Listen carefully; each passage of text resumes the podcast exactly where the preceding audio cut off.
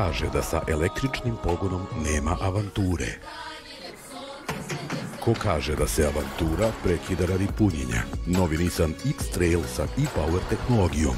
Jedinstveno elektrifikovano iskustvo koje ne zavisi od punjača. Ćao svima, dobrodošli u najnovije izdanje Lab 76 broj 284 i dobrodošli u izdanje koje vam predstavlja jednog jedinog gospodina Paju Pavla Živkovića koji je ozdravio Gde si, naravno i Srki, ponovo gde je ste, dobri ljudi? studio. Si mi dobro? Jes, jes, sad sam okej, okay, da. Porasla ti kosa od kad smo se Porasla poslednji mi, put Da, porasla mi kosa, da. videli. Dobro mi izgledaš.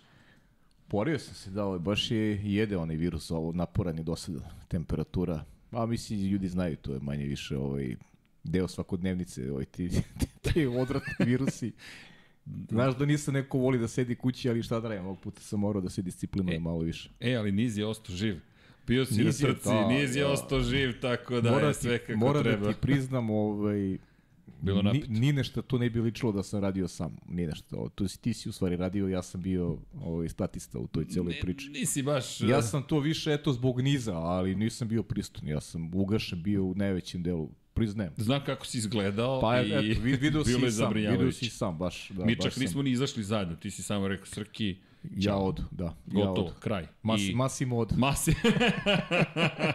samo si, samo si Samo zajavio sam i rekao nestao, ćao. samo sam nestao i ovaj, bleda su mi sećanje na tu trku. Češ te podsjetimo.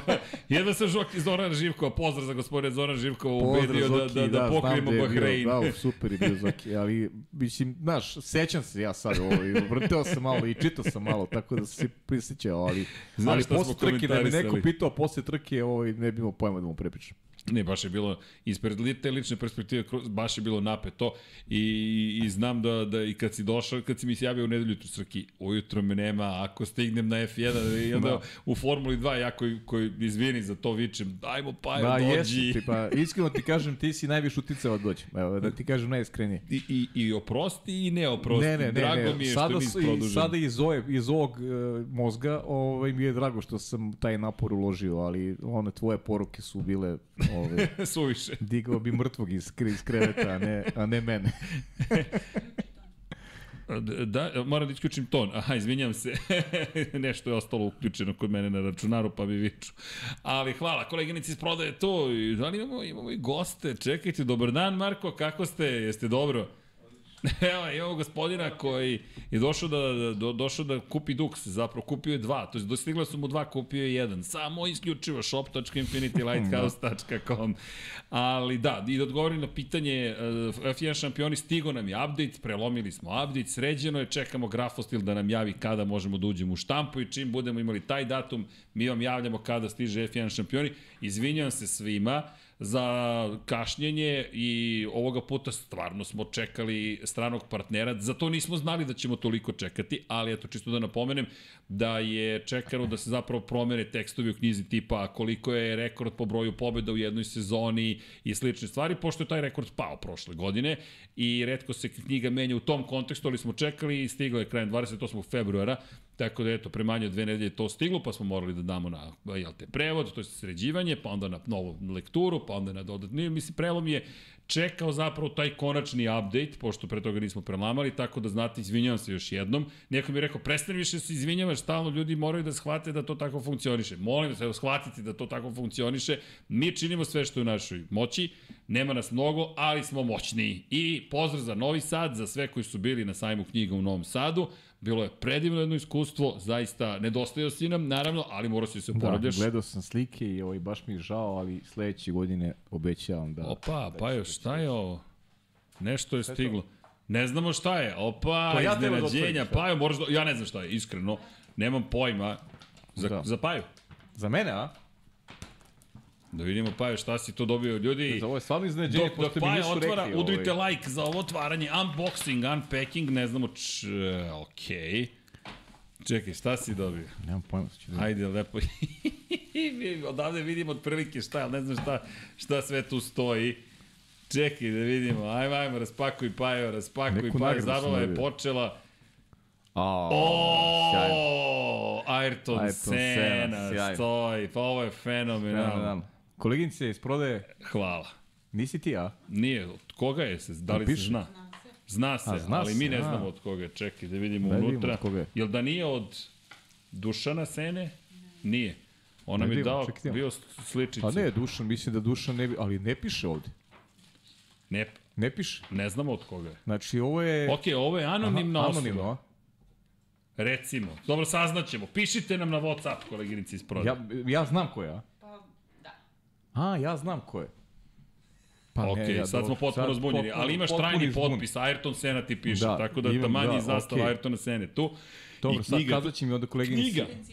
Čekajte. Penz... A, ja, Boris. Boris, A. Boris, hvala, Čekaj, Borise, a- legendo. A, a moj potpis? Bravo, A, Boris. a Borise, šta, otvaramo se samo za Paju. Šalim se, naravno, to je za studio za Ja, Paju, bravo, za Ayrtona Borise, Senu. hvala, Borise. Super. E, ali ljudi, evo imam jednu lepu vest. Kada već nismo uspeli da ranije dobijemo update za F1 šampione, ka, evo, pokušat ću da se ne izvinim ovoga puta. Dakle, neke nove stvari su zato stigle i to smo obećali još prošle godine i ne znam da li je, je na sajtu već ili nije. Nije još. Dobro. Biće na sajtu uskoro.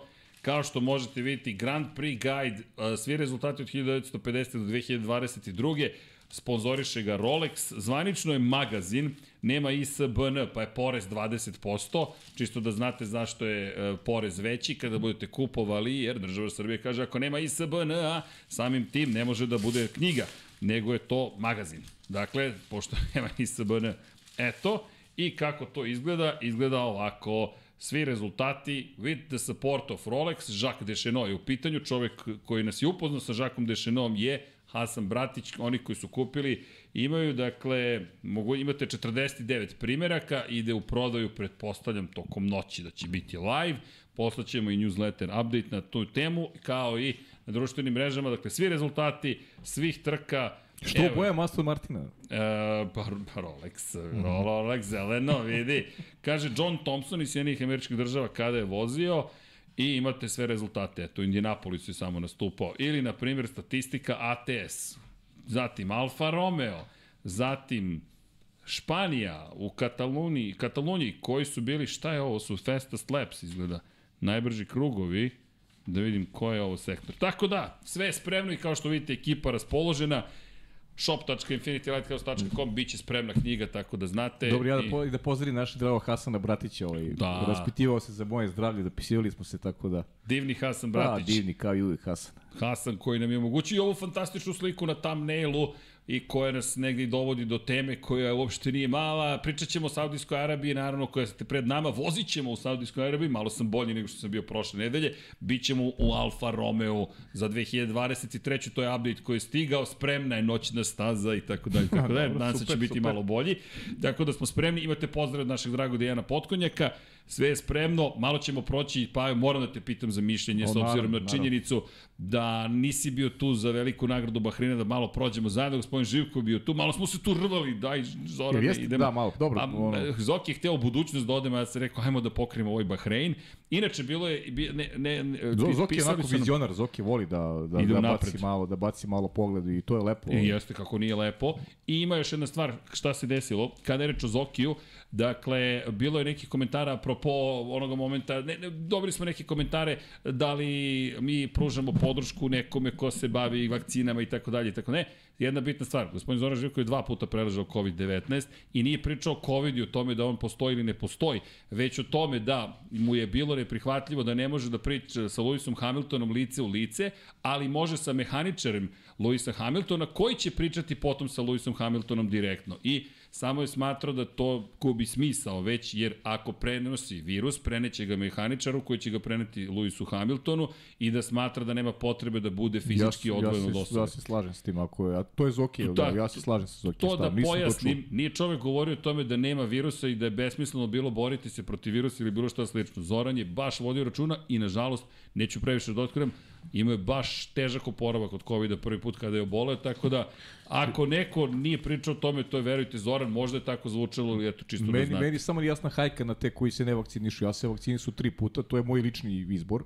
Ove, to je neka, neka moja, da kažem, a, a, tako sam se informisao, takve sam upute dobio od ljudi bio. kojima ja verujem i tako dalje i to je moj izbor, ali sad napadate ljudi koji neće se vakcinišu i ne znam, to je to je ona ona podela, ona ona ona one globalne gluposti o kojima pričamo, koje su Ispalo meni van pameti, da, da, ne, ja sam isto tri puta vakcinisao, preražao sam ga dva puta, prvi da. put sam isto kao i ti sada sa ovim virusom koji ne znamo koji je radio sam prenos, nije trebalo da ga radim, posle toga sam platio visoku cenu, ali isto kao ti želja da radimo prvu trku sezone, da pa, da, budemo da, da, tu. To to. Sveti se, to je bilo prva trka sezone pre, jest, pre tri godine. Jeste, bukvalno. A vreme leti. Se da, da, si, da si radio od kuće. Tako je, tako da znate, a pozdrav svima koji su, nas, koji su nam pisali i pozitivno i negativno i kritikovali i hvalili sve Ma, ostalo, to je, to tako je napredujemo ljudi, ljudi. Treba da imate svoje mišljenje kada tako se je. nešto ne dopada što čujete, samo pričate, samo recite. To recite. je, to je okej, okay, potpuno. Mi vas ućutkivati nećemo. Nikada. Osim ako neko ne krene u neki jel te... A dobro, sve ima granice svoje, naravno, da. nećemo da se vređamo. Ali, Tako je. Da razmenimo da mišljenje da to, to. o tome, da, to, to treba da radimo uvek. To je, Tako je. Mi ćemo zdraviji ako to radimo. I to ono što pričamo, ne moramo da delimo mišljenje, ali ajmo da argumentujemo pričamo, a mi imamo mišljenje o velikoj nagradi Bahreina. Ja sam moju velikoj meri izneo, pa evo, Kakav je tvoj pogled na prvu trku sad iz ove malo distance? Znaš kako, sjećaš se, ono, ja sam bio malo i onaj bolestan i totalno razbijen, nije mi trka legla, ali evo i sad kad sam, kad se osjećam dobro, ovaj, opet mogu ti kaži da mi trka nije legla. A zašto? Zato što je velika razlika. I čim je velika razlika, nije bitno sa, sa, sa čije strane dolazi, ne prijemi prosto i ne vidim način kako, kako Red Bull može da bude zusteljen u, u, u trenutnoj konstelaciji snaga. Jer ono što je moj utisak trke, A, nije Charles Leclerc odustao zbog toga što je, ne znam, motor držao do krajnje granica jer se borio sa, sa Maxom Verstappenom. Prosto on je bio cementiran na trećoj poziciji i nije mogao ništa Maxu, Max je bio u nekoj svojoj zoni. Možda bi nešto interesantnije trkanje bilo sa Čekom Perezom, ali realno, realno Ferrari, pošto je Charles Leclerc bio najbliži pratilac, jel te? Zato pričam prvo o Ferrariju. Ovaj, nisu bili u priči. A koliko Charles Leclerc nije bio u priči, ovi ostali iza njega puta tri nisu bili u priči. Tako da jedna toliko dominantna trka Red Bulla, pogotovo Maxa Verstappena, da je to ono što što me čini onako pesimistom kada pričamo o o konačnom iskudu sezone. Gde sam optimista? Svaka trka je priča za sebe i svaka priča donosi, svaka trka donosi neku, neku svoju draži. Verujem da ćemo imati još 22 fenomenalne trke ali kada pričamo o sezoni, potpuno mi se menja stav u odnosu na ono što sam rekao u toj međusezoni, da sam očekivao više od Mercedesa pre svega, da sam očekivao da Red Bull neće biti toliko dominantan. Znaš šta u stvari mislim, Srki? Mislim da će u ovim prvom delu sezone Red Bull biti, domin, Red Bull biti dominantan.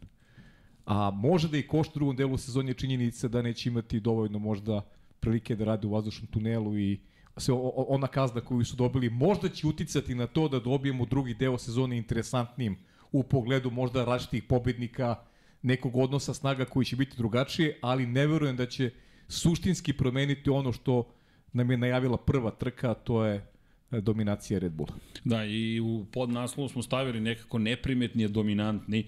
Niko se ne bavi zapravo Red Bullom, pa čak ni mi ne stižemo nešto previše da komentarišemo Red Bull, osim iz te perspektive da su ostvarili dvostruku pobedu. Prvi put u istoriji, da podsjetimo, Red Bull Racing je zabeležio dvostruki triumf na prvoj trci sezone. No. Da. Nikada ranije to nisu postigli, čak ni u sezonama kada su dominirali sa Sebastianom Vettelom.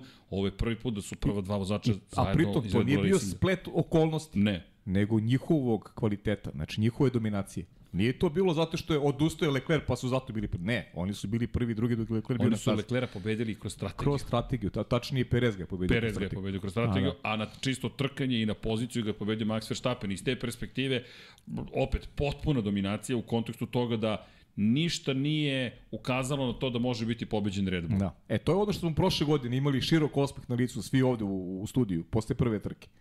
Jer, jer Red Bull nije izgubio uh, zato što ga je Ferrari nadigrao. Ne, nego su imali tehničke probleme u trci u kojoj su bili ravnopravni. Oni su bili ravnopravni sa Ferrarijem u prvoj trci. Da, oni su na kraju došli u situaciju da zapravo izgube na sitnicu, ali kada pogledamo malo pažljivije šta se zapravo desilo, desilo se da mi imamo ekipu koja je bila rame uz rame sa Red Bullom i Red Bull u rame uz rame s Ferrarijem. Yes. I u drugoj trci smo podjednako uživali, Pobedio je prošle godine Max Verstappen u Saudijskoj Arabiji, na drugoj poziciji bio Charles Leclerc, ali ta trka je bila varnica koja nam je običavala neviđenu Jest, sezonu. Jest. I, i te super obe. trkanje, da. Zapravo DRS zona 1, 2, 3, pa onda Leclerc koji pušta Maxa da, da zapravo, to je Max koji, ga, koji želi da on bude iza na, na zoni, isto kao DRS zona kada su se trkali Hamilton i Verstappen godinu ranije, inače Lewis Hamilton je pobedio u prvoj trci za veliku nagradu Saudijske Arabije 2021. tada pred poslednja trka sezone, pa smo došli na egal poene, to je podjednak broj bodova. Znaš šta mi je Srki jedino onako egal sa onim što, što smo gledali prošle godine? Što ja sada posle prve trke ovaj, vidim jedino Charles Leclerc kao neko ko može da pobedi Max Verstappen. Znaš, Da, u nekoj trci. Ne na duže staze, ali negde misli da možda se namesti da gledamo dobro trkanje njih dvojice. činjenica. Ja razmišljam, Lewis Hamilton, Pa trenutno ih ne vidim, Ne ne vidim. Znaš, ne vidim Mercedes trenutno, ne vidim, Ali- pa ne vidim nikog, iskreno, ne vidim nikog osim Charles Leclerc. ali čuveno ono što je na usnama svih nas, Fernando Alonso. Pa da, ali ja, ja opet ne vidim. Znaš, da li, da li tu postoji ta ipak nada da će Fernando Alonso biti taj? Nažalost ne vidim. Lično. Okay. To ne mora znači ništa, prosto. Ja ne vidim. Ne vidim da on može da pobeđuje, da pobeđuje Max Verstappen. Jasno. Da, U sve probleme, ovo što ima Ferrari s početka godine, ne znam, ja Charles Leclerc vidim, momak je trkač. Brzi. I- Brzi je i, i, i, i, i, mo, i može. I, I sad, da, da, da samo kratko, dakle, par stvari uradimo. Fernando Alonso spektakularan na poziciji broj 3, dakle na pobedničkom postolju, pazi, pobedio Luisa Hamiltona, Hamilton koji se odlično nametnuo na početku trke. Da. pretekao ga i taj uzvratni udarac Alonso, pa Alonso koji preteče Carlosa Sainca i činjenica, da, Sergio Perez je prokomentarisao, pa i većina ljudi iz Red Bulla, to je Christian Horner, šef Red Bulla, tri Red Bulla na pobedničkom postolju, pošto je mnogo ljudi otišlo iz Red Bulla, ali ne samo iz Red Bulla. I sad dolazimo do toga da zapravo, ok, grožđe možda kiselo ukoliko ih pobedi, međutim, Fernando Alonso je delovo jedini koji ima neku brzinu. E sad, skepsa postoji, doći ćemo na Aston Martin, međutim, pa jo, Charles Leclerc svima nama deluje kao čovek koji treba da bude izabranik u Ferrariju da predvodi po pohod ka toj čuvenoj tituli koju čekaju sada već 16 godina, pošto Pa je bojim se da će da čekaju, ali... 2007. je osvojena poslednja titula. Jest. Kimi Raikkonen. Mi sada pričamo o petoj sezoni Charles Leclerca, ponavljamo se, ali dolazimo do vesti tokom cele ove nedelje koje govore bukvalno o tornadu, tako smo i nazvali. Torando je pisalo, Torando. znam, Torando je pisalo, dobro, malo disleksija. Pa do, i to je, to je tornado. To, I to tornado. je to, to okrenuli smo slovo u celoj priči. Ali, mi sada pričamo o tome da zapravo izveštaj koji dolazi iz Maranela, italijanskih medija, su zaprepašćujući zapravo. Mi smo do, došli do toga da mi pričamo ne samo o odlascima ljudi, pričat ćemo o tome ko je gde otišao. Međutim, za mene najteža nekako vest, ako mogu tako da kažem u celoj priči, jeste informacija zapravo da izvršni direktor Ferrarija taj koji je počeo da preuzima određene uloge u komunikaciji sa menadžmentom koje je do sada držao bivši šef ekipe Matija, ekipe Matija Binotto. Benedetto Vinja je dao poverenje prošlog januara Ma- Ma- Matiji Binotto i rekao Matija ti si naš čovek. Sada Vinja ne pušta Vasera navodno, ka, ti znaš kada italijanski Pa da, mediji da. pišu Pa da, gazeta kada piše to su uglavnom pouzdane informacije. Da, navodno je Vinja taj koji sada upravlja zapravo, komunicira sa menadžmentom. I ti sada, čak i menadžerske aspekte neke preuzeo. I sad ti govoriš o tome da ti imaš sada izvršnog direktora Ferrarija koji smanjuje ono što je na raspolaganju Federiku Vaseru, priča se o tome da Vaser gura svoju struju i da će vraćati polako ljude iz Alfa Romeo koji su otišli iz Ferrari u Alfa Romeo, a ljudi odlaze i Vaser koji kaže ne znam ni otkud takva bura odjednom posle samo jedne trke. Dobrodošao u Ferrari. da. To je sve što bih mu rekao. Pa to je ona priča vezano za, znaš, za, za, za podelu, znaš, tu ti je sad španski lobby, Santander, Carlos Sainz. Ferrari ne može da pobegne od toga. U, u najvećoj meri su i sami krivi što su, što su uopšte u tu situaciju došli. To je moglo vrlo jednostavnije da se reši. Znaš, Giovinazzi je drugi vozač Ferrarija, Leclerc, ti si naš prvi čovjek, hoćemo da ti osvojiš šampionsku titulu i idemo dalje. Znaš.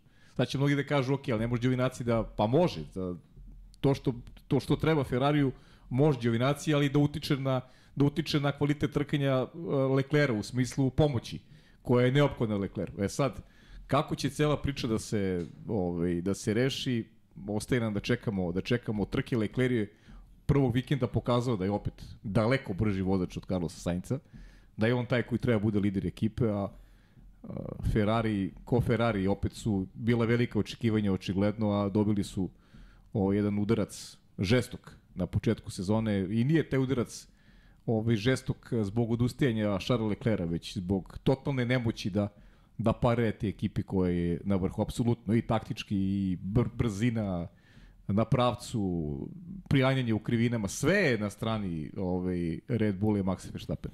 I, I ja zato i mislim da tih prvi 10 trka, mislim da, da je Red Bull, da je to i cilj Red Bulla, da, da oni u ovoj prvoj fazi sezone do odlaska na letnju pauzu naprave što je moguće veću razliku. Jer možda će se osetiti taj nedostatak, to, tu kaznu koju su dobili radu u vazdušnom tunelu i svega onoga što, što prati ona, ona kontroverza s kraja godine, možda ćemo dobiti e, interesantnije trke u drugom delu sezone, ali bojim se da će biti kasno za, za suštinu, da će biti kasno za neki za neki ovaj za neku dramu u šampionatu. Kada govorimo o, o, o, o Ferrariju, ima tu još priča, meni indikativnih par stvari tu ima.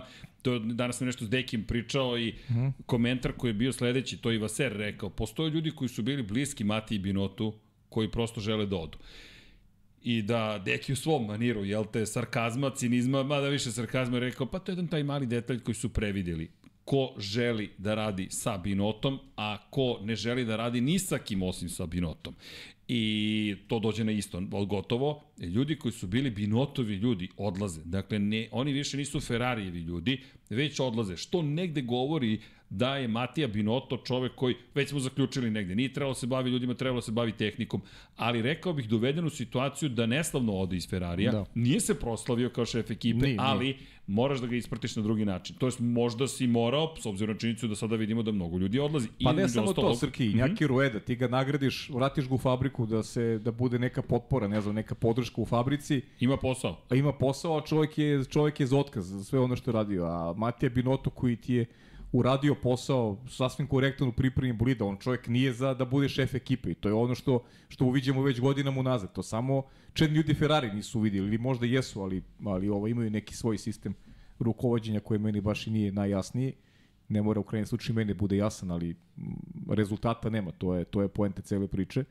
Tako da Binoto slaže se s tobom da, da sa svojim ljudima sa ljudima koji su nešto uradili, mora da postupaš drugačije. A ovamo vidi, imaš nagrađivanje ljudi koji koji su te doveli do toga da izgledaš kao neka početnička ekipa, smešna ekipa u poređenju sa, sa ovim najboljima. Mislim, konkretno ni njako redu. To je čovjek koji treba da ode još kako se završila prošla sezona, on je trebao bude nizlaznim vratima Ferrari. A mi dolazimo do toga da mi sad nabrajamo imene, zašto je Tornado. Dakle, David Sanchez je spominjan još prošlog četvrtka dok smo radili jest, F1 Technical, jest. dakle imali smo situaciju u kojoj je bukvalno bilo priča o tome da čovek odlazi i da je poruka, zapravo na LinkedInu se oprostio i rekao je doviđenja. Dakle, ono što je da, za sada potvrđeno jeste da će iznutra zapravo napređivati, da ćemo dobiti Tondija na, na, na poziciji koju zauzima David Sanchez. Dakle, to je inače nekadašnji čovek koji se bavi aerodinamikom i imamo Diego Tondo koji će zauzeti njegovo mesto. Ali sad mi samo nabrajamo nova imena, nova imena, nova ne možemo da ih popamtimo. A to ono smo pričali, sećaš se sa Dekijem ovaj, u analizi onoga što čeka Ferrari dolaskom Vasera. Opet se kasni.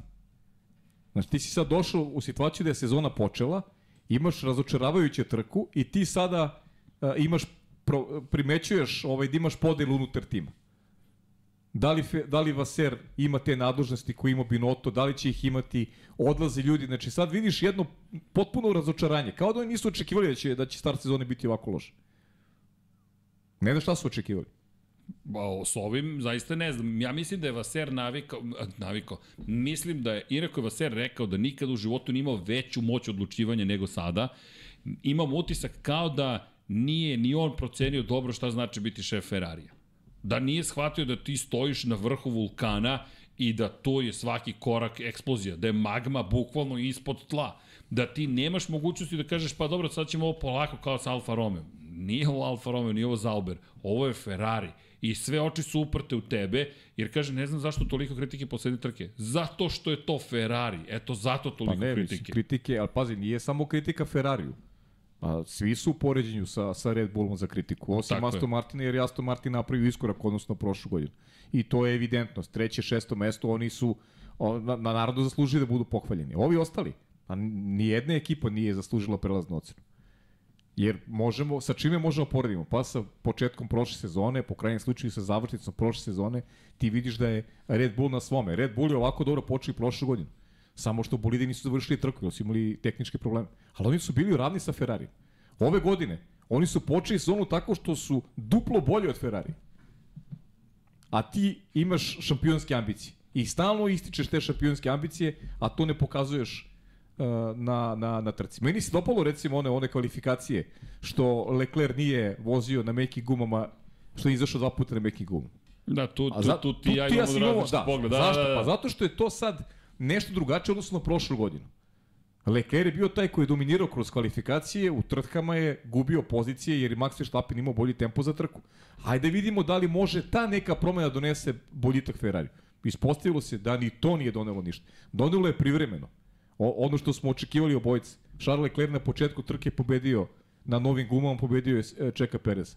Ali kasnije kroz strategiju, kroz tempo, na tvrdim gumama, izgubio mnogo i gubio ovaj vremen u odnosu na, na, na Čeka i na Maxa. Ne, ali, znaš, poenta cijele priče je da, da je Red Bull u svojoj zoni i da to trenutno ne može niko da prati i apsolutni su favoriti iz Arabiju.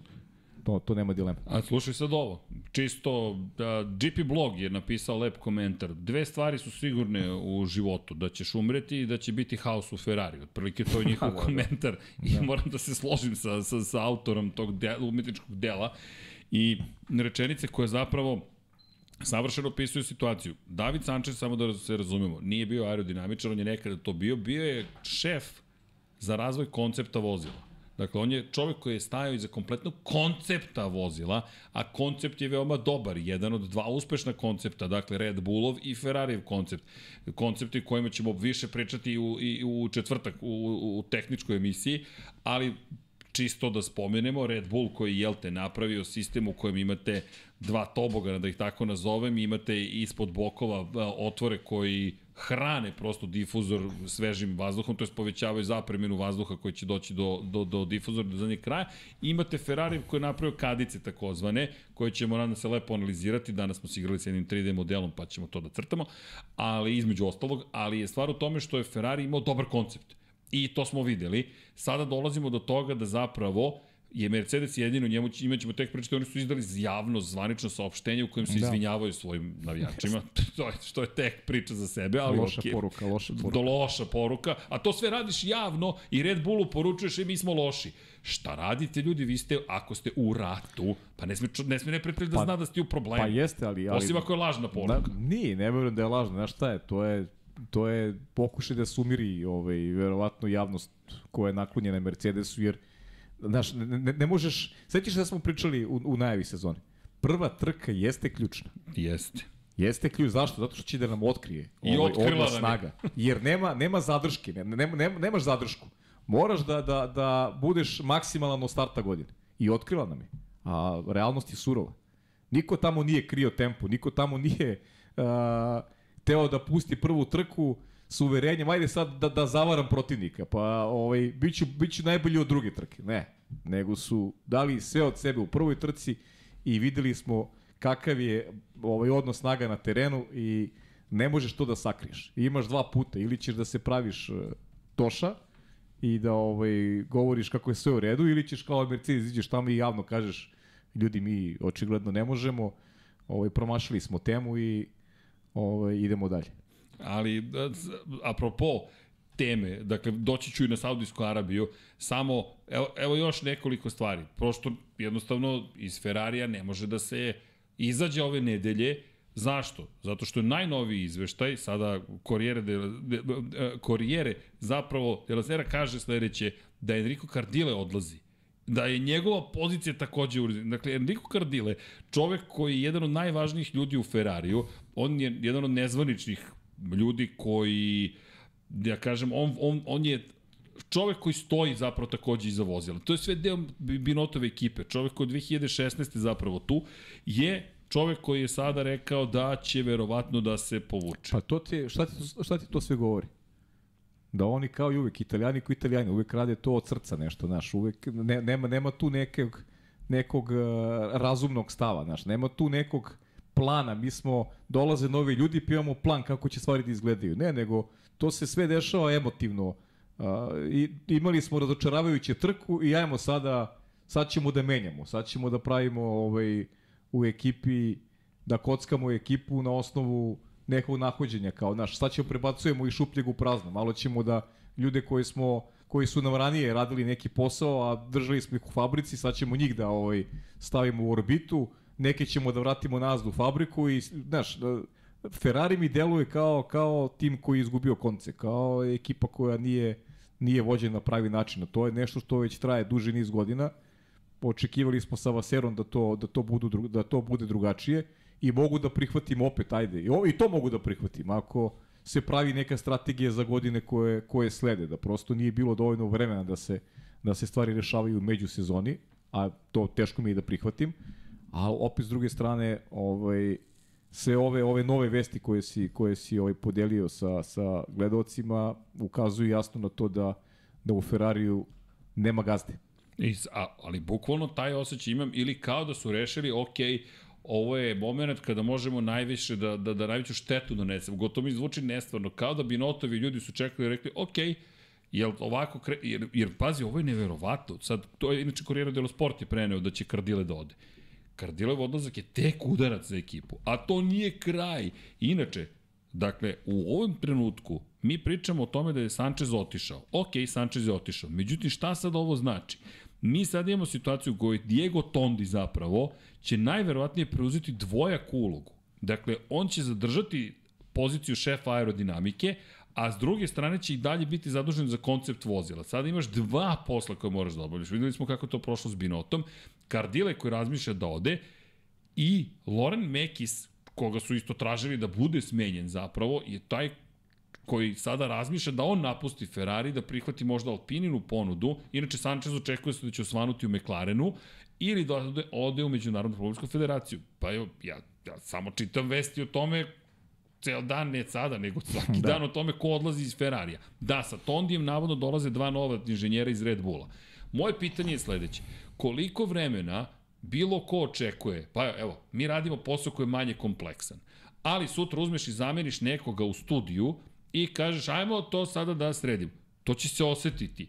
Zamisli u ekipi Formula 1, kaže, ali dolazi iz Red Bulla. Pa dobro, dolazi, pa da, ima 700 inženjera pa, iz da. Red Bulla i I šta će, oni će odjednom magično da pretvore Ferrari u pobjedičku mašinu? Pa ne dolazi, mašinu. ne dolazi Njui. Pa. da dolazi Njui pa, pa ajde, znaš, onda da očekuješ. I opet, I opet bi mu trebalo vreme.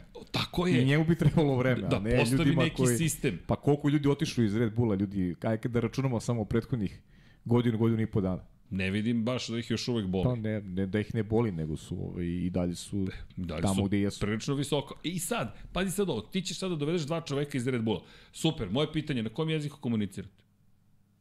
Jel komunicirate e-mailom, jer koristite, ne znam, Microsoft Teams, koristite Slack, koristite MeterMost, šta ste instalirali od komunikacijnog softvera, ja ne, ne, ne inženjerskog? Nemam nikakav problem, ali da se, to se onda jasno i glasno kaže, ljudi, to je ovo je da sistem, kaže, ovo je sistem koji postavljamo na, ne znam, duže staze. Znaš, stegnite petlju pa recite, a ne imamo jednu razočaravajuću trku i onda emotivno. To je to, kažem italijani, to je sve emotivno, znaš, ide. Ne bi toga bilo da su pobedili u prvoj trci. Pa, o, e, ok, Znaš, do, ne bi bravo toga bilo spojili u prvoj trci. Da pa su to pobedili dvostruka pa pobede, šta bi bilo? Pa to su italijani, pisali bi i dan danas bi pisali o toj trci. Znaš, to je kao, kao prošle godine isto. A opet, opet nije bilo veze sa realnošću. Znaš, jer ti nisi priznao ni tada da, ti, da je Red Bull u stvari tu, odmah uz tebe. Nego si likovao na račun dvostrukog triumfa. A i tada je Red Bull bio uz bok Ferrari. A sada si u situaciji da imaš odustajanje, ali nisi bio ni blizu. Mogu se držiš to treće mesto i treće mesto je bilo plafon. Ali si mogu da imaš 15 poena i da kažeš ok, 15 poena, nismo konkurentni, ajde idemo šta ćemo da radimo dalje. Ali ti si prosao i tih 15 poena. Pritom menjao si bateriju, prva trka sezone, ti već menjaš bateriju. I to ne jednu, dve. I ne jednu kontrolnu elektroniku, već dve. Na, prva trka sezone. Prva šta trka ćemo sezone. da radimo, šta ćemo da radimo u 15. trci sezone? I čekamo naravno da vidimo šta će sve tu da se desi. Zapravo, šta će sve da se desi kada je reč o bateriji, kontrolnoj elektronici i tako dalje, tako dalje. Ja čekam ne izjave, ja čekam tehnička dokumenta sada u četvrtak, u petak, u subotu, u nedelju da, da vidimo šta će I, stvarno da budu bolide. I šta je problem, kad smo već kod teme Ferrarije, i to, to smo i najavili, šta je problem kod Ferrarije? Ljudi, setimo se, Ferrari kad god počne loš sezon, oni ne uspevaju da pronađu izlaz iz, lo, iz, poče, iz loše početka sezone. Oni dobro balansiraju kada, kada sve krene kako treba. I onda stvari do nekog momenta, to nas je bar bliska prošlost naučila, do nekog momenta to izgleda manje ili ovaj ili više dobro sad zavisi kako kako gledate na na na na, stvari ali imamo onu eru Fetela, Alonsa kada su bili blizu šampionske titule i sezona počinjela dobro.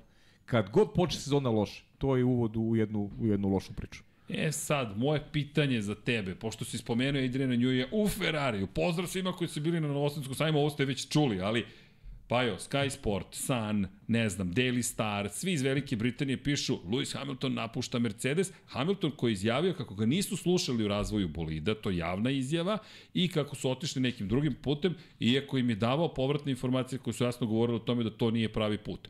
Što je javna kritika Mercedesu, Mercedes koji, koji se izvinjava, doći ćemo i do te priče da li će Mercedes podržati Aston Martin. Ali ovo je čisto malo vatre radi, ipak i Ferrari i Lewis Hamilton, najuspešniji vozač svih vremena, jedini koji zajedno s Michaelom Schumacher ima sedam titula i Britanci ga sad guraju u Ferrari. Ne kažem da će to da se desi, sumnjam, ali samo zamisli scenario i moje pitanje je, u, mogu bih da postavim pitanje sada dok smo ovde, Dakle, prvo pitanje za navijače Ferrarija. Da li biste voleli da dođe Lewis Hamilton u Ferrari? Onda navijače Lewis Hamilton, da li biste, u stvari pitanje iz jedne za druge. Pa da, možemo odmah da postavimo. Pa ja odmah ti kažem kako bi to izgledalo. Znači, navijači Ferrarija bi prihvatili Luisa Hamiltona na keca. Zato što su to navijači Ferrarija. Navijači Ferrarija navijaju Obuko si crveno i pa, to je to. navijaju za svoj tim i nisu baš bili blagonakloni prema Sebastianu Fetelu u vreme kad je osvajao titule za Red Bull, pa kad je došao Ferrari. Odjedno se promenila situacija. Svi su ga voleli, tako je.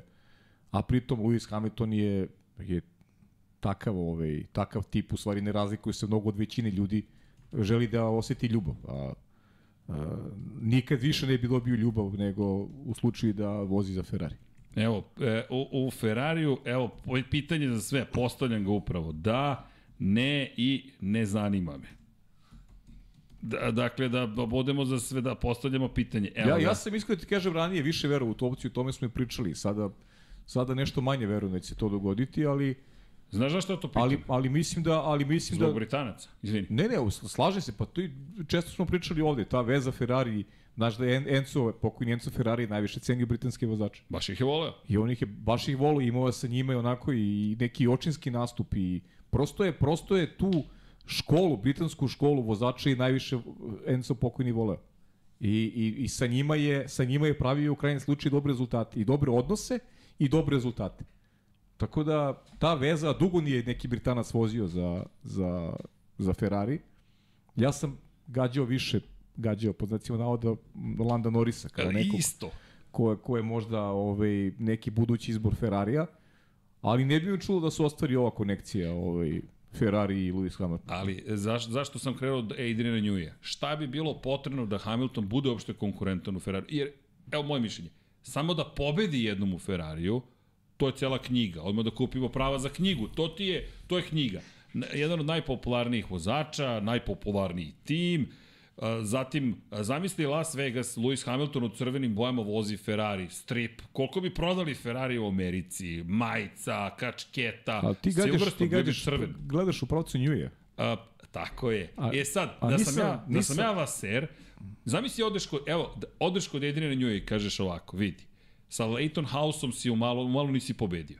Sa Williamsom si napravio jedan od najboljih bolida svih vremena, FW14B.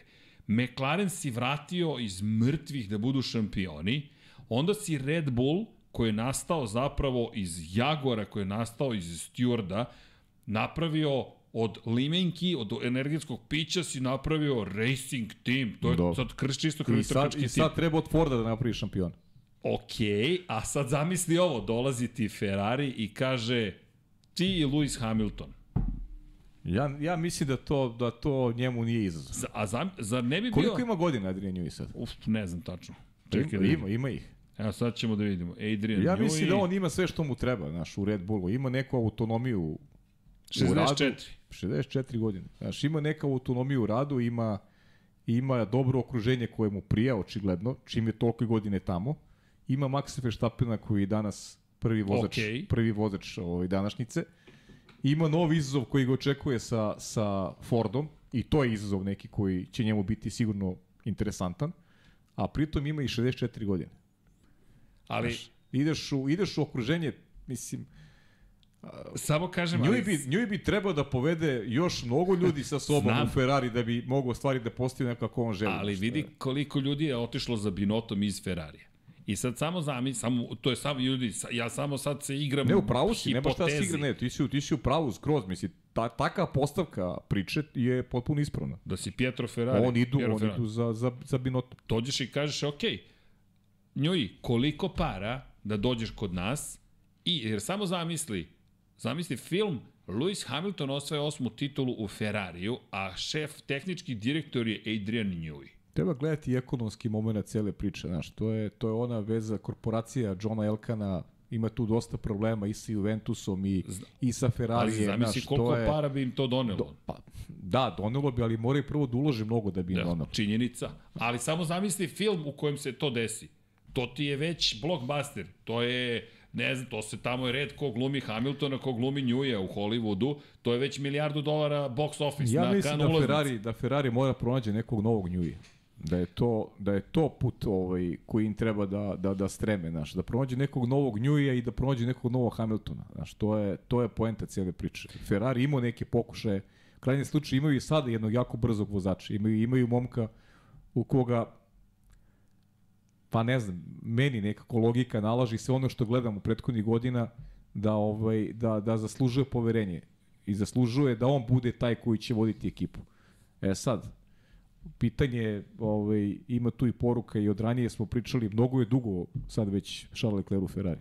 Peta godina. To je to je već I šta ti sad sa njim radiš? Koja je poruka koju upravo dobija Charles Leclerc? Inače, samo da napomenem, Dan Fellows je čovek koji mnogi smatraju da je novi Adrian Newey, a njega je Aston Martin doveo u svoje radovi iz Red Bulla. Ali, da ne pobegnem da. Tamo, Charles Leclerc, mi smo ovo najavljivali prošle godine. Mi smo prošle godine rekli ovo će biti peta godina Charles Leclerca u Ferrariju. I sad, poruka, ti, ti dođeš, inače, to sam zaboravio, ali išao je kod Ferrarija na razgovor Charles Leclerc posle trke u Saudijskoj Arabiji. Pričem, e, kako komentarišeš što je slušalice skinuo Fjera, Ferrari u momentu da. kada odustaje Charles Leclerc? Čekaj, imaš vozača pa koji je još uvek u trci. pa zato što Piero ovaj tolke godine ovaj uz uz, uz Enza Ferrarija zna i Piero ko je lider ekipe. Ko može da napravi rezultat za Ferrari? Nije Piero lud. Jasno zna je vrlo prilično. dobro. Pa zna vrlo dobro. Ne može Carlos Sainz da mu donese ništa na, na duže staze. Charles Leclerc može. I onda kad ti prvi vozač bude eliminisan iz trke, pa mislim, znaš, to je nekako ljudska reakcija mi je bila, A, a znaš. poruka ti je sledeća. Ok, ti si eliminisan, a umeđu vremenu čovek koji je zadužen za koncept vozila je otišao. Loran Mekis će verovatno da ode. Čovek koji je aerodinamičar će sad imati dve uloge. Možda će doći neki novi ljudi iz Red Bulla, pa dok stignu, dok sve to krene da funkcioniše. A pridom Cardile planira da ode iz ekipe. Ti ideš tom fabrikom u Maranelu i Fe, Ferrariju nedostaje ličnost. To je ono što, ono što je bio pokojni Marconi, Marchioni. On je, on je bio taj, taj, ta ličnost koju su volili i poštovali. Neko je bio u fabrici od jutra sutra. E, on je bio čovek ko, ko, uh, ko je imao maksimalnu podršku iz svih mogućih struktura. Nakon njegove smrti e, Ferrari nema takvu, takvu ličnost. I negde se vidi da postoje, da postoje podele. Jasno svi da postoje podele. Evo, to nam pokazuje čak i, i ova trka. Prošle godine je, je cela sezona je prošla na račun tih podela. Znaš, to, to je nepriznanje ko ti je vozač jedan, ko je vozač dva, različite strategije, loše vođenje ekipe. Ti vidiš tu da stalno postoji neki balans, po, na veštački način se pravi neki balans koji ne donosi dobroj ekipi. I sad dolazak Vasera, ti sad dolaziš neko, kogod je on iskusan čovjek, to ono što si ti pričao, mora da postaviš ovaj, da, ti, da ti tim veruje, da ti ljudi veruju. To, treba, to je proces koji zahteva vreme. A još ako ti, još ako imaš oponente i ne veruju ti u startu, u startu im smeta što si došao, pa to je baš je jako kuloš teško. karata. A baš je jako teško. I pritom sada ti odlaze ljudi tvog prethodnika. Koju poruku ti dobijaš u okviru fabrike? Ti uđeš u fabriku, uđeš na vrata, dobar dan, dobar dan. A znaš da su ljudi koji su radili za tvog prethodnika rekli, ej, aj, ćao. To je potpuno odsustvo poverenja. A pritom, to sam i pričao, baš na sajmu smo se baš mnogo ispričali, pitanje najveće da li će Ferrari dati dovoljno godina Vaseru da postavi ono što želi. Jasno. Jer, vraćamo se na, ajde da se vratimo na eru Mihaela Schumachera. Došao je, jel te, Jean Todt, 93. godine je došao Jean Todt. Gerhard Berger, Jean Alesi voze u tom trenutku. V12 se koristi, nema mnogo uspeha. On je tek 96. dobio Mihaela Schumachera. Dakle, treća, četvrta, peta, šesta, to je četvrta godina njegove vladavine da mu dolazi Schumacher. Sedme godine vladavine dolazi zapravo Uh, ne, pete godine, izvinjam Pa se. pete, pete, peta, šu, četvrta, pete Šumijeve dolazi pete. do prve titule. Ali pritom pete Šumijeve, dakle, mi Dolazi do govorimo titule, 3, da. 4, 5, 6, 7, 8, 9, 10, osma godina vladavine Žana Žana Toda. Toda. A inače, Rory Byrne i Ross Brown stižu tek 97. godine. Tek sezonu pošto je Schumacher stigao. A da postavimo stvari drugačije, da li uopšte je Frederik Vasera taj koji zavređuje dobije tolike godine? Da, da li će dobije jednu znaš, godinu? to je- Čekaj, vidi to gde je pitanje. Ili možda neko prelazno rešenje u iščekivanju nečega. Ne znam, ne znam a on čega. je prvi, ne Italijan, prvi Francuz od Žana Toda, koji je uopšte dobio priliku da vodi Ferrari. I ti sad imaš izvršnog direktora Ferrarija koji navodno preuzima neke funkcije. To tako liči na loš Ferrari, na, na lošu verziju Ferrarija. Ja moram ti priznam da, da za sada stvarno nemam, znaš, ne, ne, nemam šta da kažem ovaj, iz ugla neko ko to gleda, ovaj, gleda sa strane da kaže nešto loše o Frederiku Vaseru i na, na načinu vođenja ekipe. Rekao sam ti, meni si dopalo taj, taj pristup koji je bio u kvalifikacijama. Ti prosto, prosto Ferrari nije dovoljno dobar. Nije dovoljno dobar za Red Bull. Ja I mislim, to je namin. Zašto je tako? To sad postoji malo, malo, malo dublja priča, verovatno. Znaš, to je... Uh, Matija Binotto, ono što ste pričali, Djeki pre svega što insistirao, stvarno, on je, Matija Binotto je dobar inženjer. I to je to, on, on je radio na kreaciji, na, na, na bolidu iz ovo godine on radio. Trebali su ga pustiti da radi čovjek. Taj posao i da, da, se, da se sa njim lepo razgovara, da se stavi do znanja, ti nećeš da vodiš ekipu, ali se bavi ovim delom posla. Sad, si, sad ide jedna lančana reakcija gde, gde njegovi ljudi ovaj, napuštaju, napuštaju Ferrari. Ali se opet sve dešava, kažem, prilično emotivno u momentu kada je ekipa na početku sezone ne beleži, ne beleži dobar rezultat. I to je, to je italijanska priča, italijanski posao. Inače, kada spominjemo Žana Toda, njega možete da gledate na ceremoniji dodele Oscara, s obzirom na činjenicu da njegova gospođa Michelle Yeoh je osvojila Oscar, istorijski Oscar. Inače, dama koja dolazi iz Malezije proslavila se u hongkonškim filmovima i dama koja je sada glavna zvezda zapravo, a Jean Todt je pratilja prva, tako da čestitamo Žanu Da. Todu na tome šta je postigla gospođa. I zaista zaslužuje čestitke, ali mi je zabavno bilo, eno ga Jean Todt, gde je, na Oscarima je. ok, on pobeđuje, vidi, gde god da je, on čovjek osvaja titule, tako da svaka čast, ali e, činjenice da Jean Todt otišao nekim svojim putem, nego samo se vraća malo kroz istoriju. I njemu je bilo potrebno vreme da nešto ude. Gde ja imam veći problem, mislim da situacija u Ferrariju nije takva da je neko rekao zaista ok, tebi ćemo ukazati poverenje i drugo mislim gde, gde imam problem, ne se ja sa Vaserom, nije, nema lični problem, ne znam čoveka. Pa naravno, da. Ali gde mislim da se prevario jeste što je krenuo polako, tiho, a sezona je već bila tu, a ti imaš bolid koji je bio pobednički, kojem je trebalo još malo posla, malo, uslovno rečeno, manje nego prethodnih godina. Veći je skok između 21. na 22. nego sada bio potreban, oni ga nisu napravili.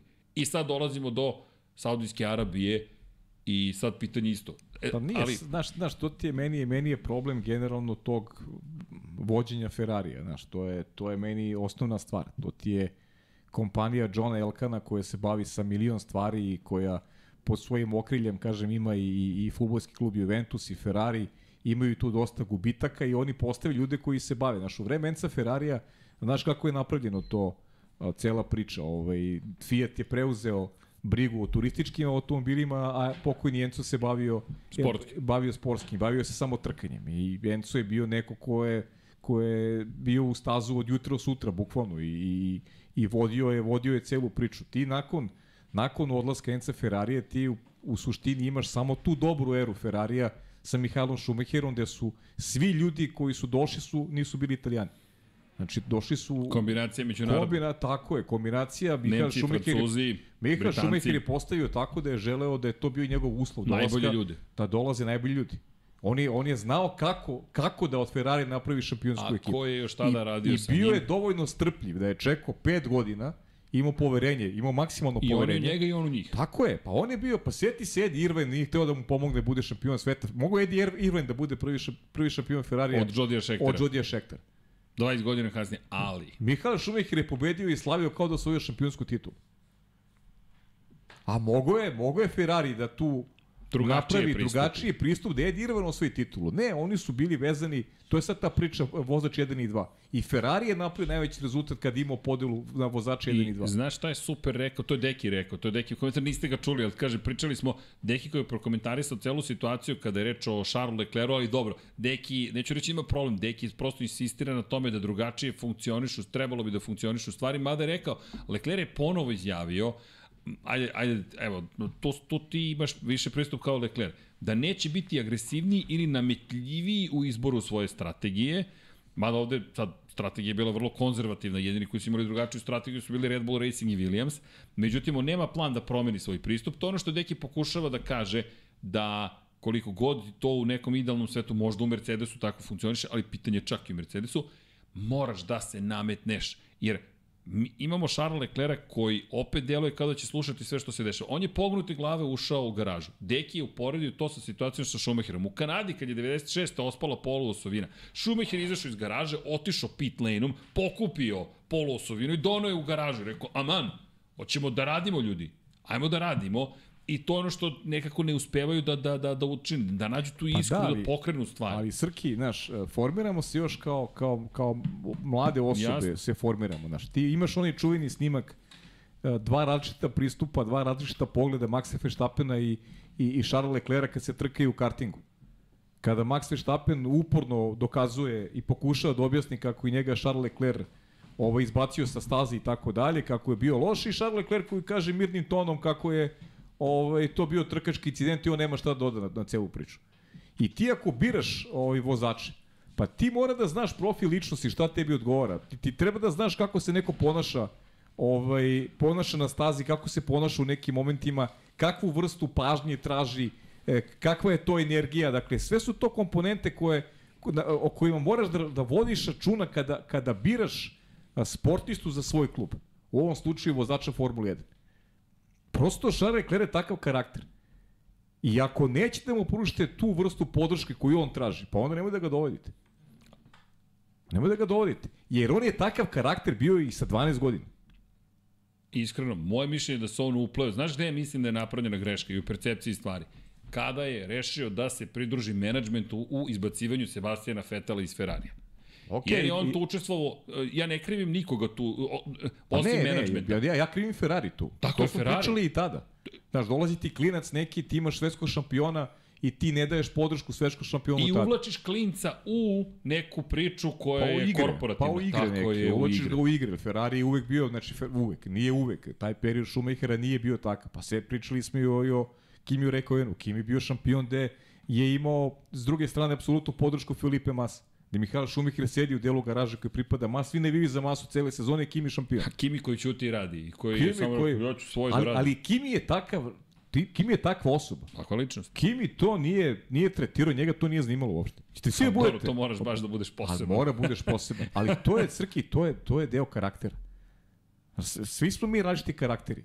I neko ko se bavi sa ozbiljnim timom kakav je, kakav je Ferrari, pa mora da zna ovaj, kakav je, kakva je struktura ličnosti onoga koga dovodi u svoju ekipu. Znaš, mora da zna kako se ponaša s njim, šta može da Pa očekuje da od li toga. ti djeluje da su znali, evo, ajde i drugi primjer, Carlos Sainz. Doveden je kao neko ko bi trebalo bude vozač 2, a ima jasnu psihologiju čoveka koji to neće prihvatiti. Pa to, to Ja ne krivim. Sainca. Šta je Pa Sainz ne, kriv što pa je on tu ličnost kako ja. jeste. Pa ja- čovjek radi za sebe. Pa ja vozače ne krivim, znaš, on, niko ne dolazi i kaže ja ću da vozim sutra za Ferrari, mora nekoga pozove. Mora neko da kaže mi želimo Ja tebe ne- baš u ovoj ekipi. Tako je, pa što, što bi ga krivili zbog toga? Ili, ili bi ti odbio Ferrari? Ne. Pa isto ne bi ni ja, isto da Pa me zovu, što bih ja ne bi, pa zašto? Čekaj, ideš u kultne istorijske boje i samo dovoljno da se fotografiše na početku sezone i to su istorijske boje. I kaže, ej, vozio sam za Ferrari. O, top. Ne, vidi, uz dužno poštovanje, samo vozio ti- si za Williams ti i vozio za Ferrari. I šta ti znaš o njemu kao vozaču? Da li Koji Ferrari zna šta hoće? E, tu dolazimo Da li do, Ferrari zna šta tu hoće? dolazimo do ključne stvari. Zato ti kažem, plati Njujija. da, da li je Lewis Hamilton rešenje? Ne kažem da jeste, samo pričam o tim hollywoodskim scenarijima. Konačno Hamilton je rekao, ova sezona neće, neće odrediti moju budućnost. Hamilton, Čisto Hamilton kombinu. i još i mogu da ga vidim. Njujija zaista ne vidim u više ni jednoj drugoj ekipi. Da, i to bi bilo zanimljivo. Ja bih iskreno volao da se to desi. Zašto? Zamislite taj spektakl. Lewis Hamilton potpisao za Ferrari, pa to je tek ludnica. Pri čemu ono što je zanimljivo jeste koga bi zamenio pod jedan. I druga stvar, kogod ostane, ti pružaš podršku najuspešnijem vozaču svih vremena i treća stvar, šta onda se dešava u Ferrariju? Jel sad svi staju uz Luisa Hamiltona i on dolazi sa svojim spiskom zahteva i da li Ferrari kaže ok, moramo da ispunimo ove zahteve? Znaš kako, to uopšte nije nerealno Samo... ukoliko sezona Ferrarija bude ovako kakva je počela. Jer opet Ferrari ko Ferrari, znaš, tu ima mnogo ljudi koji tamo sede, a potreban im je jedan dobar alibi, ukoliko ovaj, rezultata nema, nema ga već, već duže vreme. Šta je dobar alibi? Pa dobar alibi je veliki šampion. I onda plati velikog šampiona, uloži u njega, a šta ćemo sa bolidom, pa vidjet ćemo, vajde će se namesti. I to je neka filozofija koja prati Ferrari već duže. Pa od Mihajla Šumahira. I ovo, pa da. to Kimi rekao, to je bio incident. A bukvalno je bio nije, incident. Pa to nije, to nije bio proces koji je Ferrariju donosio titulu u kontinuitetu. Pri čemu on tu treba da zahvali takođe i Fernando Alonso, i Luisu Hamiltonu, i Ronu Denisu i celoj ekipi McLarena, koja se potrudila da se auto uništi, Just, samo uništi pa tek da, sezone oni su, Oni su tada bili imali rivali između sebe su, pa Hamilton da. i Alonso da je tu da je bila drugačija kompozicija tima, ne bi bio ni blizu Ferrari te godine. A pride Alonso koji odlazi sa računarom svojim i kaže evo da vam pokažem kako je McLaren krao koncept od Ferrarija. Pa 100 miliona dolara kazne, pa haos odlazi u Renault, da, ma da, a naravno bio cirkus opšti. Ali to i taj čovjek i dalje tu Fernando Alonso i dalje u Formula 1, Lewis Hamilton je dalje u Formula 1. Da, rekao sam na početku, mislim, ljudi, ja sam rekao Leclerc, naravno da je Fernando ozbiljan trkač, znači ne, ko sam ja da pocenjuje Fernando Alonso. Ne, ne. Ali ne vidim ga prosto na duže staze, ne vidim ni taj Ali Aston Martin na duže Alonso, staze. koliko Aston Martin u kombinaciji sa Alonso i svim onim što to prati. Jer, evo, evo, Kar, evo ovako, Carlos, e, ne Sainz, već pričamo o Sergio Perezu. Ja hoću da pomenem Čeka. Prošle godine u Brazilu, to smo svi negde zaključili, kažem, dosta smo pričali ovih dana. Ad acta je stavljeno svako pitanje ko je gazda u ekipi Red Bulla. Max Verstappen u Brazilu rekao, halo, Ne, ne, čak ni javno me nećete naterati da uradim nešto što ne želim. Kraj. Neću da pustim Serhija za šesto mesto. Nemojte da mi tražite, već sam rekao zašto. Poruka je javna. Od tog momenta ništa mu više ne traže. Ne kažem da je dobro loše, samo konstatujem da u tom momentu on definitivno zauzeo ja poziciju. Imam, imam drugačiji pogled na celu priču. Ne, ne mislim da je dobro nikomu, loše. Nikomu ne bi ni tražio ništa, mislim. To je, Srki, i da mu, i da mu traže nešto, Mislim, njega Čeko Perez nešto povedi na stazi. Ne, ne, ali, ali, ali mislim to da... To je osnov, osnov svega. Znači. Ali da mislim da je tad stavio do znanja ljudi, ja sam na apsolutnom vrhu. Nećemo uopšte da diskutujemo više o tome, ovaj tim radi za to da budem šampion, a ja ću da pomognem i vama da vi budete šampioni. mislim, imamo veliko je pitanje da li bi ga neko drugi pobedio u istom bolidu. Pa da li bi ga Hamilton pobedio, da li bi ga Leclerc pobedio u istom Ne znam. I to ne znamo, znaš, ali pogotovo vozač, pa nije Čeko Perez do, doveden da bi pobeđivao Maxa Verstappen.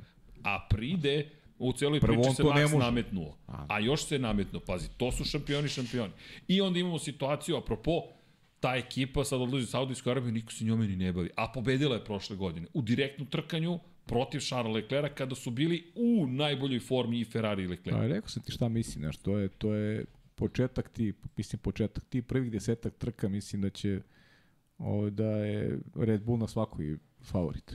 A šta, šta, da li vidiš ikakav odgovor Ferrari sad u Saudijskoj Arabiji? Ipak, uprko sa svemu... Samo, samo Leclerc možda period neki trkanja, ne vidim, ne vidim kontinuitet, u, u Arabiji teško, ali da možda Leclerc na početku uz dobre kvalifikacije, da možda možemo da vidimo malo trkanja između Maxa i Leclerc. Jer mislim da je to jedino trkanje koje možemo da dobijemo. Jedino. Ne vidim ni jedno drugo ko može da se trka sa Maxom Verstappenom makar u jednoj fazi trke. Leklera vidim. Iskreno. Ne, ja slušam te, razmišljam, evo naglas, evo naglas, razmišljam da li Aston Martin i Alonso mogu da prate na početku trke. Max Verstappen sa, sa, kvalifi, da, sa, sa boljim kvalifikacijama nego prošle godine. Pa mi imamo u najavi trke koje nećemo ga, nećemo ga viđati uopšte. Pa, na prethodnoj trci, to smo pričali, rekli su mu uspori, gde on rekao, ok, ali samo ako bojica usporimo. Sa, na samo čeka. Srki, samo hendikep, ko prošle godine. Samo tad imamo trke koje su zanimljive. Handicap, start njegov 10. 15. pozicija, 6. 8. To, je, to, to su trke gde, gde možeš nešto da vidiš. Da, hendikep može da padne za Ferrari, što nije hendikep, nego bukvalno nemoguća misija, ako zaista budu morali da, da, Da. da dođu do toga. Jer, kažem, čekam tehnički podak, jer oni su menjali pred početak trke u Bahreinu, su oni menjali bateriju, kontrolnu elektroniku, preventivno. I opet se pokvarilo. Jer Le- Leclerc će da gazi maksimum. Upravo to njemu treba da njemu treba da se da, da se trka sa Maxom. A misliš, Njemu to treba. izvini, u kvalifikacijama, ćemo opet da vidimo Ferrari koji kaže neka. Ne verujem da ćemo ovog puta to da vidimo. A mislim da sad moraju da Pa uzmu ne, pol ne poziciju. zašto, zato što nisu dobili ništa, ovaj nisu dobili ništa na prošle Samo nedelje. gubitak. Imali Samo samo, samo su dobili čeka na početku trke i Maksa koji se udaljio već u posljednji četiri kruga je već napravio dovoljnu razliku. Da, i vraćamo se onda na kvalifikaciju, ono što si rekao. Ako Red Bull sa ovakvim vozilom može da bude pol pozicije, prvo, drugo mesto, to je, to je kraj. to je to. Je to. Ti, ti, ti ne možeš ništa. Ti možda imaš samo oponu i su opet i strategiju imali bolje. Jedino Ja, ja sam rekao, te, E, toga se sjećam, da sam rekao da, da jedino, jedina šansa da imaš drugačiju, da probaš da rizikuješ drugačijom strategijom u odnosu Jesi, na njih. rekao si, i nisu rizikovali. Pa nisu oni, su oni, jer su oni imali bolju, su oni imali bolju strategiju. E, aj, da li imaš utisak, to, sam, to ne znam da sam rekao što tokom prenosa, pričali smo sa Živkom i prošle, prošle nedelje i Hasan i ja, E, Zoran je, Zoran je, kažem, više gledao ka budućnosti, ali moj utisak je bio da je James Vowles pokazao koliko je važan bio za Mercedes, jer ko je Jest, sada šef. Williamsa, James Vowles, ko je jedini smislio strategiju koju imao i Red Bull. Jeste, jeste, slažem se, pravo si. Znaš, I, I lepa trka je to bila, čak i za momka koga sam ja, ovaj, me, nisam ga, ovaj, nisam baš podržavao njegov dolazak u Formulu 1, ali bio dobar. Opa, samo da ne oborim ovdje knjigu, nešto da kopam po, po ovome. Uh, Logan Sargent. Logan Sargent. Logan, da, samo da Logan Sargent. napomenemo, Logan Sargent koji je na kraju došao do situacije da ti kada pogledaš, mene on potpuno oduševio. Ne, ne mogu da mu dam vozača dana zato što je Fernando Alonso Pa bio na poziciji nije, 3. nije, nije za vozača ali- dana, ali kad porediš recimo njegov nastup u odnosu na ono što je radio čovjek. Izjednačen sa Landom Norrisom u Q1 delu Ne mislim na. Landa, mislim na čovjek koji je vozio njegov Williams ovoj prethodnih godina. A, na Nikola Latifi, spomenut To je, par puta. I onda vidiš Logana Sargenta i vidiš nekog ko je, vidiš vozača ovaj, za tim upravljačem. Ne, pa Sargent je zaista oduševio. Mene oduševio. Ajde vidimo u Saudijskoj Arabiji šta će da se desi. A da li misliš ikakve šanse Aston Martin da ima u sve celo ovoj priči? Ima više vremena za aerodinamički razvoj, za korišćenje vazdušnog tunela, za computational fluid dynamics. Dan Fellows je sada raširenih ruku, koncept deluje dobro. Da li vidiš da ikako mogu da ugroze Red Bull u celoj priči? Ne vidim. Ja mislim da će vremenom, da će vremenom ovaj, pa Leclerc je, Leclerc je bio mnogo bolji od, od, od, od Aston Martina do momenta dok se nije povukao. Da, kada Mislim, to je pogledaš- nešto zaboravljamo. Leclerc je imao čistu treću Da li bi. Alonso La- bio treći Ma nema- bez ma nema odustajanja. Charles Leclerc? Nema šanse. Dakle, treba ti, imao veliku prednost. treba ti odustajanje Leclerca da bi se nešto Pa treba desilo. ti odustajanje kad ti možeš pobediš Sainz. Sainca može, Alonso. Alonso i Sainz ne, nisu u istoj ravni. Ali Leclerc, mlađi, Leclerc je mlađi i brzina koju ima i kvalitet. Znaš, Leclerca, Ferrari ipak je Ferrari. Tako da Leclerca teško pobeđuje Fernando Alonso. Da, on je pobedio Sainz i to Po- lakoćom. Ma ne, pobedio ga lagano, pa to je, to je Fernando. E, to treba u Netflixu da bude je- borba je Španaca. Fernando, da. A ne iz prvog sezone borba za veliku nagradu Španije za šesto mesto. I recimo, ja bi, ja bi volao da vidim, znaš, kad imaš, neći daš prednost jednom vozaču, misli na Ferrari. Okej, daj mi onda Fernando Alonso u ekipi, pa da imamo Leclerc i Alonso. Ako neće daš prednost, pa tu onda mogu da razumem da ne daš prednost, pa hajde vidimo ko će bude bolji na stazi. Ali ovde neće daš prednost na Leclerc u odnosu na Carlosa Sainca. A ja stvarno tu matematiku ne razumem uopšte. A ajde da, da, da pošto Ferrari, Ferrari, jel te, Ferrari opet, pa, znaš šta, ako ništa drugo, Ferrari su... Pa ne ovo što si naveo, pa mi smo i najavili, Srki, pa šta mi najavljamo trku sledeću i ja, ja sad malo vraćam, vraćamo se u prošle, nisam bio tu prošle nedelje, ali... Da, da, da, da. ali je prosto odlazak toliko i toliko broja ljudi i cela cela priča ovaj priča se naravno se priča o Ferrariju to je logično Pa dobro, uvek će biti, uvek će Ferrari biti... pa uvek je tema pogotovo pogotovo sada kada je stanje tako kako jeste ali kažem ti eto naš meni je to razumljivo onda Neće daš prednost jednom od vozača. Pa daj mi onda Fernanda Alonso u ekipi i imaš Leclera i Alonso, pa neka se trkaju. A ti ovde ne daš prednost Lecleru u odnosu na, na čoveka od koga je duplo brži. Da ovde nisi ni mogu da mu daš prednost. Mogu si samo da ga posmatraš kako tavori na četvrtoj poziciji i na kraju postane treća pozicija koju izgubi. i ne može ništa da učini. Pa ne može. Ali Aston Martin, mnogo se priča o tome da Mercedesov management planira da pruži veću podršku ekipi Aston Martina nego svojoj fabričkoj ekipi. Odgovorit ću uh, u A to nema toliko... šanse. Smešne priče. odgovorit ću, teo sam da odgovorim u toliko reči ukoliko odgovorio gospodin Dejan Potkonjak na Novosadskom sajmu, ali gospodin Pavle Živković je dao već odgovor. Nema A Srki, Mercedes će na kraju biti ispred Aston Martina. Mercedes će na kraju biti Aston Martina za minimum 50 poena. O čemu pričamo? I Mercedes će na kraju da bude ispred Aston Martina. Mercedes će na kraju možda imati neku pobedu ponovo, kao što je imao i prošle godine. Aston Martin teško. Teško. To je ono što kaže, ja očekujem od drugog dela sezone zbog, zbog kazne koju ima Red Bull, očekujem da će malo da se stvari promešaju. Imaćemo mi dobrih trka ove godine. Ali zaista iz ove tačke gledišta sumnjam da ćemo imati interesantan šampionat, jer čovjek sa brojem 1 je nekoj svojoj zoni. Red Bull takođe. Kada pogledaš, me vidi, ja kada, kada pogledaš razvoj koji su postigli, impresivno, kada pogledamo do sadašnju istoriju, ne mogu baš da kažem da, da mislim da Aston Martin baš se neće pojaviti negde na, da, u celoj ovoj priči. Imam utisak da mogu, znam da zvuči čudesno, ali kao Alpina sa Okorom što je pobedila jednom, mislim Ja da bih može voleo, to da ja bih voleo da nisam u pravu. Ja bih voleo što više pobednika različitih to bolje. Vidi, ja mislim Znaš, da to, je- može je zaista da se desi. ali Ja ne vidim, zaista Da. ne vidim kako. Pa, znaš kako, Aston Martin, vidi, Red Bull će imati negde neku grešku. Pa, dobro, dakle, imaće. će se vrata otvoriti. Imaće, ali to ali ali, Leclerc. ali treba da ima i Leclerc, okej, onda isto vreme greška. da, ne, mora da bude baš mađarska. Da, A pritom Srki, nemoj, nemoj zaboraviš, mislim Mercedes. Mercedes, da, da, da, da. Mercedes, Aston Martin, neće tu da bude takva razlika. I nije ni bila tak, mi smo imali zanimljivih duela. I bilo je super Aston bitka između Martin- njih dvojice. Bilo je dobra bitka.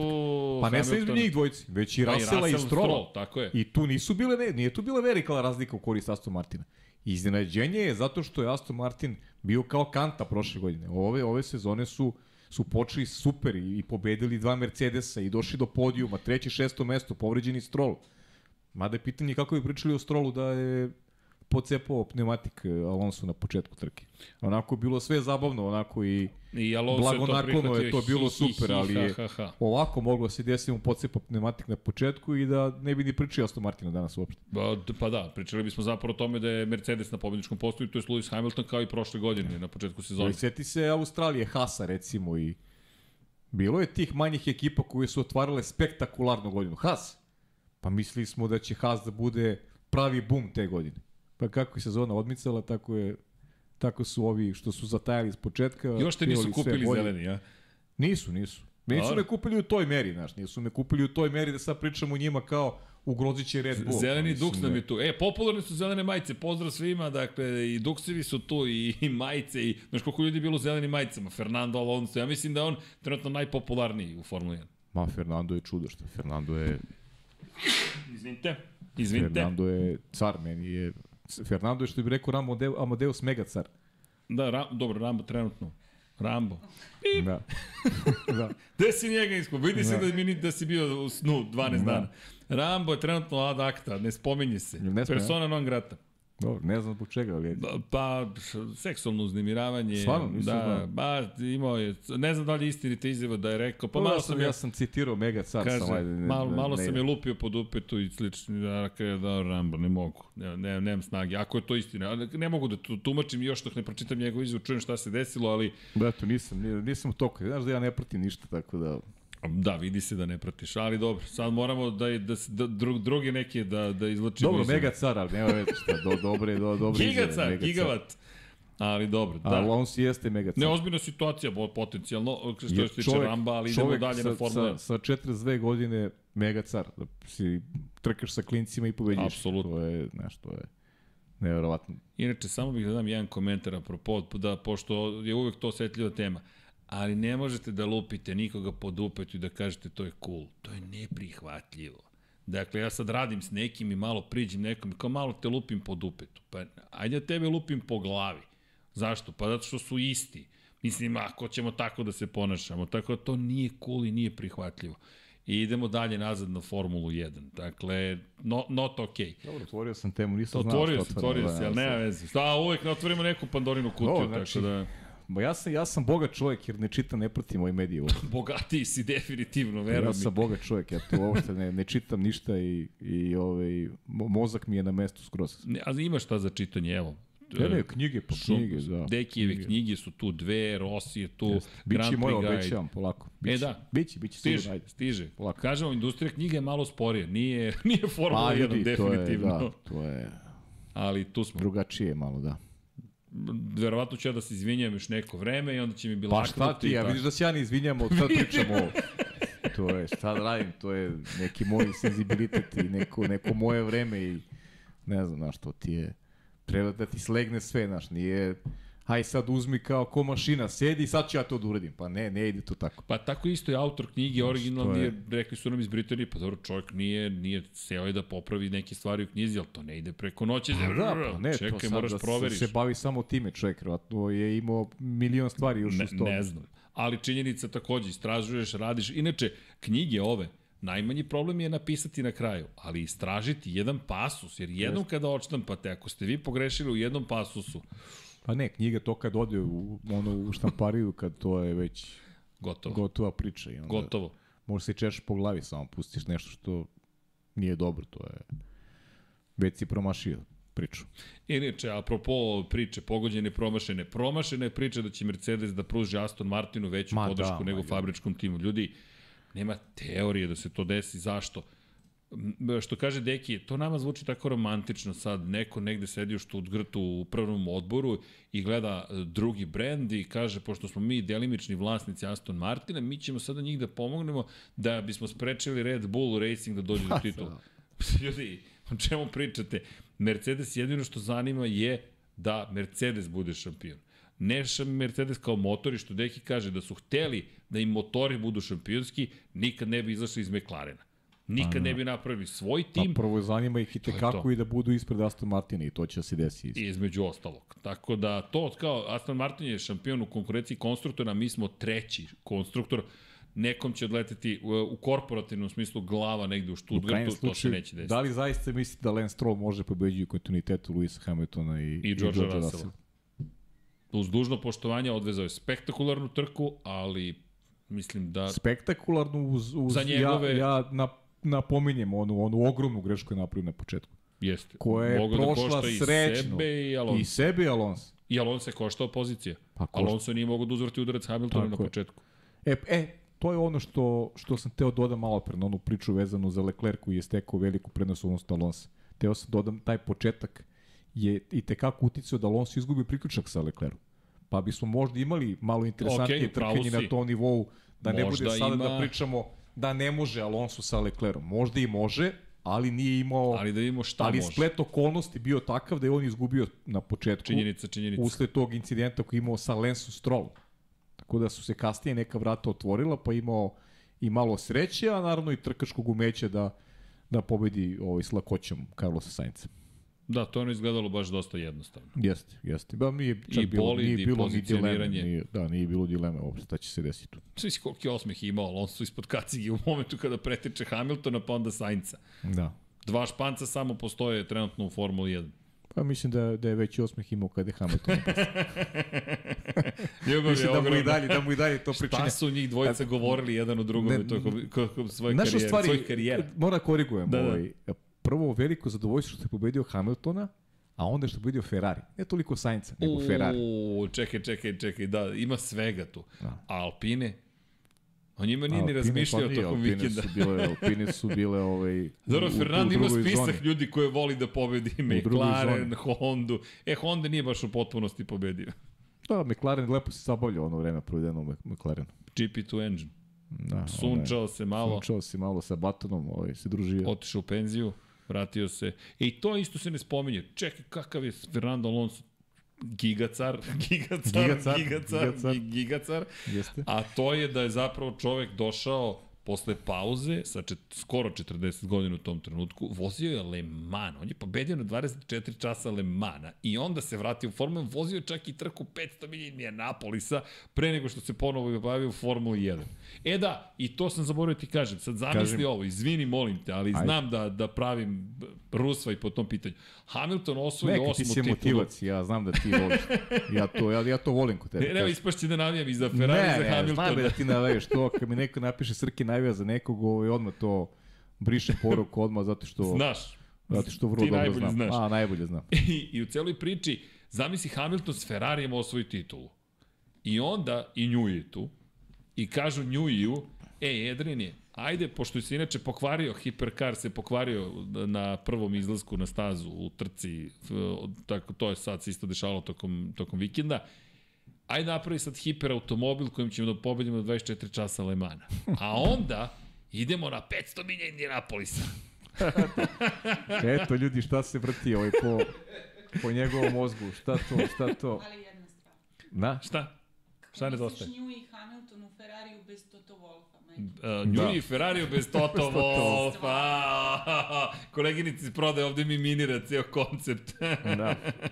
Dobro, ja sam rekao, ja ga miniram isto jer ja ne vidim više Njuje u nekoj drugoj ekipi, jer mislim da ono što njemu treba, on ima apsolutno u Red Bull. A dobro, lepo si rekao. I on, mir i neko, Ford neko da svoje da zadovoljstvo. Ford ima, pritom ima takvog vozača kakav je Max Verstappen i on može da pomera granice ovaj, u ekipi u kojoj se trenutno nalazi, tako da ne vidim, ovaj, ne vidim Mislim da, a pritom i te godine, znaš, to je sad nekom ko ima 64 godine da ponovo menja neke životne navike i da i da ovaj ide u neke nove avanture, iskreno ti kažem, ne vidim ovaj Njuje u toj Vidi, ali ako bi to uradili, ne bi ih pretvorili u vitezove, već u presto naslednike misli, u Velikoj Britaniji. Misliš da ovako Adrian Njuj nije vitez? ba ne, ne, dobro. Mislim, mislim da ta, ta vrsta izazova, ta vrsta izazova više ovaj treba, čini mi se, i, i rado bi su nju upustio Lewis Hamilton. Činjenica. Mislim da, da, da tako nešto je moguće, moguće videti. Jer on ima ovaj, svu ljubav ovog sveta dolaskom u Ferrari. Znaš, nema više sa tribina, nema zvižduka, nema, nema priča, moram da kažem, glupi koji se provlače ovaj, uz, uz Luisa Hamiltona, koji nemaju veze sa... Znaš, ja on je jedan vrhunski sportista i treba gledati ono što radi na stazi, što radi pored staze, koga to treba zanima i koga briga šta ja radim izvan ovog, izvan ovog studija, to je samo moja stvar. A, a Lewis Hamilton je jedan veliki šampion i veliki sportista. I dolaskom u Ferrari bi dobio, dobio bi ljubav. Sigurno bi dobio ljubav. Znači, Ferrari, navijači Ferrari nikad nisu odrekli ovaj, nekog Čekaj da vidimo. Svog vozača. Znači, Čekaj da vidimo ovde anketa šta kaže. 45 da, 854 glasa da. Da li biste podržali Luisa Hamiltona u Ferrariju? A, a ne, napisao sam, pošto sam danas potpuno, jel te, bangao s prstima, u Ferraraju. Ferraraju. da. U Ferraraju, dakle, 45% kaže da, 38 ne, 18 kaže ne zanima me. Što je statistički, dakle, 80% je zainteresovano, 82% pa da, ali kada bi on stvarno došao u Ferrari, Pa kao sa Fetelom što svi, svi, bi, svi, svi bi rekli... Ti koji vole Farena Vili za Ja ti kažem, jednu pobedu čovek da ostvari u Ferrariju, to je kraj. Svira i kraj, dakle kraj. da. Evo, navijač Ferrarija viče ne, Ma, to je tih 38 Ma. odsto. A, ne, ja ne verujem u to. Ma ja isto ne verujem, ne koleginici sprode. Zamisli da, da, ma, Ne verujem u to. Ne, kaže ne. Jedan je Sebastian Vettel. Pa okej, okay, mislim, znaš, to je navijanje onda za Vettela, nije navijanje za Ferrari, znaš, to nije navijač Ferrari, nego navijač Sebastiana Vettela. Ali, ali, znaš, to je, ali mi je zanimljivo, znaš. Ja mogu isto to, ja sam navijač Ayrtona Sene, ali za mene je Sena Sena. Kao što vidimo. To je, I to je to. Ali, znaš, kad imaš, ja znam ljude koji su, koji su ovaj, prate Formula 1 navijaju isključivo za Ferrari i potpuno im je nebitno ko vozi za, za, za italijanski. Uvijek će da podrže tog vozača koji vozi za Ferrari. I to, to je to. Ferrari je baš poseban, po to pitaju čak pa i Ducati Ferrari, u Moto Grand Prix ne može se porediti pa to ti je, to ti je u Italiji isto, znaš, to ti je, to, A, tako razmišljaju italijani. To, to je, nacionalna to je ekipa. To je nacionalna ekipa i Ferrari je božanstvo. I kogod tu navija, taj, taj dobije ljubav. Kao što će Frederik Vaser to da shvati. U, da, inače, Vinja, izvršni direktor Ferrarija se navodno ljutio na Vasera što je putovao s Toto Wolfom na trku, pošto su oni drugari. I Vidi sad u Ferrariju što sve može da zasmeta. Ko zna što se može da zasmeta. Što su ti, na što su ti priče koje... Ko što si putovo s Wolfom? A, ali znaš koje su to priče, Srki? nema rezultata i onda ćemo se bavimo glupostima. znaš, Tako to ti je, nema to ti je fokusa. suština. Nema, znaš, nema onoga što treba da bude fokus. Bravo, fokus. Nema onoga što treba da bude fokus i sad se bavim trivialnim stvarima, glupostima, znaš, da ti S kim si izmišljam. putovo? Pa da, to je s kim si putovao, da. Znaš. S Pajom. I? Što? Pa, Da, nisam, da ne? nisam, ne. iz, nisam izgubio zato što sam bio gori, nego se desilo nešto. Znaš, Na nebu se desilo, To ti je to- ovde, smo se prostorima, u novim prostorima, uglavnom ti je svaki porast je neko je drugi kriv. Znaš, nisi izgubio jer si, izgubio jer si bio lošiji, nego znaš šta se desilo, znaš, desilo se nešto nevjerovatno. O, nepredviđene A okolnosti. da, ovaj je uradio nešto Viša ludo, sila. pa, znaš, viš, ma, da, e, e, to ti je ista priča, to ti je ovaj Ferrari, znaš, i, i ta te reakcije. Da, a Mercedes drugačiji, koji objavljuje, izvinjavamo se svim našim navijačima što nismo dovoljno dobri. To je sad To je, da ti kažem, to je, mislim, drugi pristup. Ja, meni nije to neka loša poruka, znaš, mislim, ono, loša poruka sad kao dižemo ruke. Ali ne, Srki, to je realno. Pa, možda je to način na koji Mercedes želi da tretira svoje navijače, da kaže, ljudi, nismo Pa dovoljno nisu, dobri. nisu deci, ne, obraćaš, ne obraćaš se deci. Pa i da su Obra- deca, moraš da ih naučiš da komuniciraju. Bravo, ali, ali obraćaš se onima koji poznaju trke. Znaš, to je, zašto govorimo stalno da je specifična je publika koja gleda MotoGP, Formula 1, to su ljudi koji znaju, koji, koji se upućuju, koji, po, koji, koji znaju Ili ako problematiku. ne znaju, žele da saznaju. Tako je, ali, ali uglavnom znaju vrlo dobro problematiku. I ne možeš da ih lažeš. Ne možeš ti njima pričaš bajke, a oni vide da, da stvari ne idu kako treba. Pa ne možeš da ih obnanjaš. Ali veruj mi, ne, ne svojim očima, nego meni. Znaš šta je? Da, to, da, to da, je kao, veruj meni, kao, Kao, znaš. šta ti je? To, da, McLaren u problemom, a činiti se. Da, da, ne, ne, ne vidiš ti to. Ne, Ne. To je, ne vidiš ti to, nisu u problemu. To je, to je Ne, loš, ne, loš pristup. Tako da meni ta, ta reakcija Mercedesa, pravo ti kažem, ovaj, i meni je u početku delovalo kao vidi ovi šta rade, onda kad razmisliš Pa kažeš potpuno je okej, okej, kažeš, ove, kažeš ono što jeste. Jer, neka jer- vrsta poštovanja prema... Pa staza je Srki jedino merilo, znaš, staza je jedino merilo. Ti na stazi vidiš kakav je odnos Ja, ja jedva čekam da vidimo šta će biti u Saudijskoj Arabiji. Zaista, mislim, sam, sam Max Verstappen je rekao, ljudi, ne ček, nas ne očekuje lag zadatak. I sad bih se vratio dve godine, tri unazad, ako se setimo izjava Hamiltona, Mercedesa, Tota Wolfa, šta su ponavljali iz trke u trku? Ljudi, nemamo lag zadatak. U tako delo je lako pobeđivati, ma nije lako Gde je lako, pobeđivati. Srki, pa to je, Kada pobeđuješ, to držiš ovako i ne puštaš. Pa to je on, to su one priče, one one one stvarno meni ja ja neću da neko da se neko nosti uvređenim, ali znaš kao svako može pobeđiti onom bolidu Mercedes. Ne može svako. To isto kao sad, ma ne može svako pobedi svojim Red Bullom, ne može. Nije slučajno Max taj, nije slučajno Luis bio taj. To su šampioni, ne može svako. Kaže, izvini, master Nima, Srki, to što smo konkurenti za titulu ne znači da treba da je osvojimo. Da. Da, to je bila ta čuvena izjava Matije Binota prošle godine, koju mu ja zameram i mislim da će on da, nas, da je nastao zapravo na priču menadžmenta. Ja sam ubeđen da su njemu 2021. rekli, ej, budi bolji nego što si bio ove i svi ćemo biti zadovoljni. Bio je bolji, a onda je on počeo da ponavlja priču menadžmenta. Ne, ne, ti čim si u prilici da pobeđuješ, ti više nemaš tu priču, bolji smo nego prošle godine. Sad juriš pobedu, ali okej, Da, on, nema, on je su- prošlost. Svima okolo su porasli apetiti, ali opet tu nije bilo mnogo dodirnih tačaka sa, real, sa realnošću, najiskrenije. Pa nije. A to je ono što smo, to, sad se ponavljamo, ali nema veze, tu smo da, da oni ne slušaju nas svi od početka. Tako je. Nisu, nije Ferrari bio mnogo bolji od Red Bulla s početka godine. Da, razlika je bila velika, ali se Red Bull kvario i to je suština cele priče. A ove godine je Red Bull mnogo bolji od Ferrari na početku godine. Da, inače, apropo, malo, izvini, malo pređašnjih hiperautomobila, što sam spomenuo, čisto da, da, da, da, da spomenemo, dakle, ajde, o tome nismo pričali, ali Ferrari je imao predsezonski test u Sebringu, prošlog vikenda i James Calado imao incident u subotu, tako da ni taj program nije im baš krenuo na kako su želeli. Dakle, AF Corse je inače zadužen za ceo program u okviru svetskog šampionata izdržljivosti i na Floridi su bili testirali, su dvodnevni, da kažemo, prolog je bio u pitanju, tako da kreće sezona u Sebringu, čuvena trka u Sebringu, jedva čekam iskreno da vidim šta će se dešavati. Naravno, Toyota standardno, ali sada vidimo Ferrari kako izgleda i prosto to su sad kad, kad je loše, onda je baš loše. Ne kažem da će sve biti loše, ali eto, prilika sad u Saudijskoj Arabiji za popravni. I ono što si rekao, teško je pobeđivati. Ja mislim da će Red Bull biti potpuno skoncentrisan, da, da oni njihov fokus je jasan, ne vidim nikakve probleme. I ono što je Christian Horner rekao, njih sada činjenica da su kažnjeni tera na efikasnost. Oni se sada bave, pazi ti tu ekipu koliko je dobro organizovano. Oni kažu, aha, imamo 25% manje nego što trebalo da imamo vremena u aerotunelu i na procesorskog vremena za, za Computational Fluid Dynamics, šta ćemo da uradimo? Mi ćemo sad da planiramo našu sezonu u skladu sa time, a ne da kukamo, e, aj smenimo sada nekoga. Pa ne, mislim. Nema. Fokus. Ti I ono zato što si ti kažem, rekao. ima, imaće, mislim da će on imati malo problema. Ovaj, Kasnije. Kasnije, da. Ali ovo ja mislim da je ona potera, idemo do, do Jeste. polovine sezone da završimo Tako posao. je, tako je, tako je. A rivali po, pomažu. I Tako je. te kako pomažu. Po, p, I sezoni bi pomoglo da, da, da Red Bull bude zustavljen u par trka Na početku. na početku. Bilo bi, to bi pomoglo sezoni da bude interesantnije. U suprotnom, bit će jednosmerna ulica. Da, i kada govorimo Pa o znaš, znaš kako može, znaš kako može da izgleda sezona? Kako? A ona, bar Honda. Da, Znaš, tako a, može a da još sezona, više od toga može da izgleda. Da, a, a bar, bar, Honda ili... Zašto bar Honda? Pa, Jenson. Button i Jenson Aha. Button. Jedna pobjeda misliš? Pa ne, ne misliš Jenson, da Bron Grand ne, Prix? ne, Bron, Bron, Bron, Grand Prix, izvini, ne, bro, da, Bron Grand. Prix, izvini, izvini, ok, Bron Bron, Grand Prix.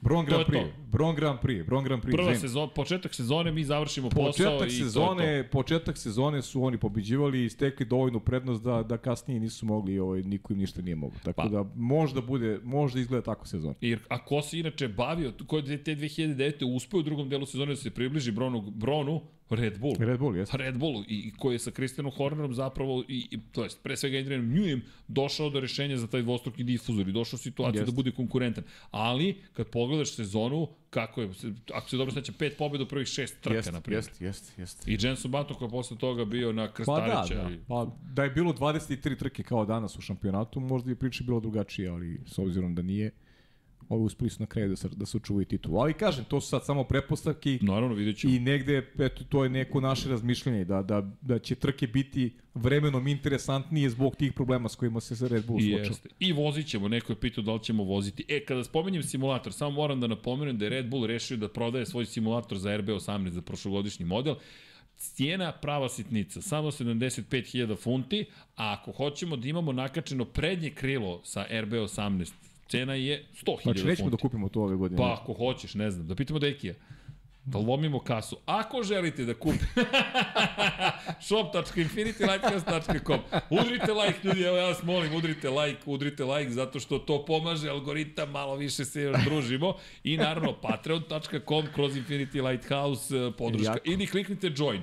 Ajmo ljudi, kliknite join, nije tako skupo mesečna podrška Infinity Lighthouse-u, prosto tu smo. I evo, pa se oporavi, pa ćemo najzad da uvedem, da, da uvedemo, da, da se ponovo javimo mesečno, Zoom, E, hoćemo, malo da, se obavezno, družimo. obavezno. Malo sam ja bio bolestan, malo paja, nije to neki Da, izgovor, ali da. bilo je Pa, svega. dobro, jeste. Malo i godine, Nije čujte. izgovor, da. Smeši se šesta decenija Su prošle meni, pune muke. nekom četvrta, A dobro, sve, znaš, stižemo se. ovaj, različito nosimo te viruse. Neko se hrani dobro čokoladom. Da, neki se ovde hrane čokoladom iza kulise, ne možete da verujete šta rade. ovde, da? E, ali Pajo, izvini, ima, ima još timova. Da, dakle, Ajde, ajde, naravno, pa mislim, Ajmo da se- imamo vremena. Ej, tvoj komentar me iskreno me zanima, pa ajde, pogotovo što imaš Ajde. ih u, u fantaziju, ja moram, moram da se E, dotaknem sam? McLaren. 17.000... Ne mogu da proverim više, promenili su ove godine, moraš ti da mi kažeš. Ja sam Pa da. šesto i neki.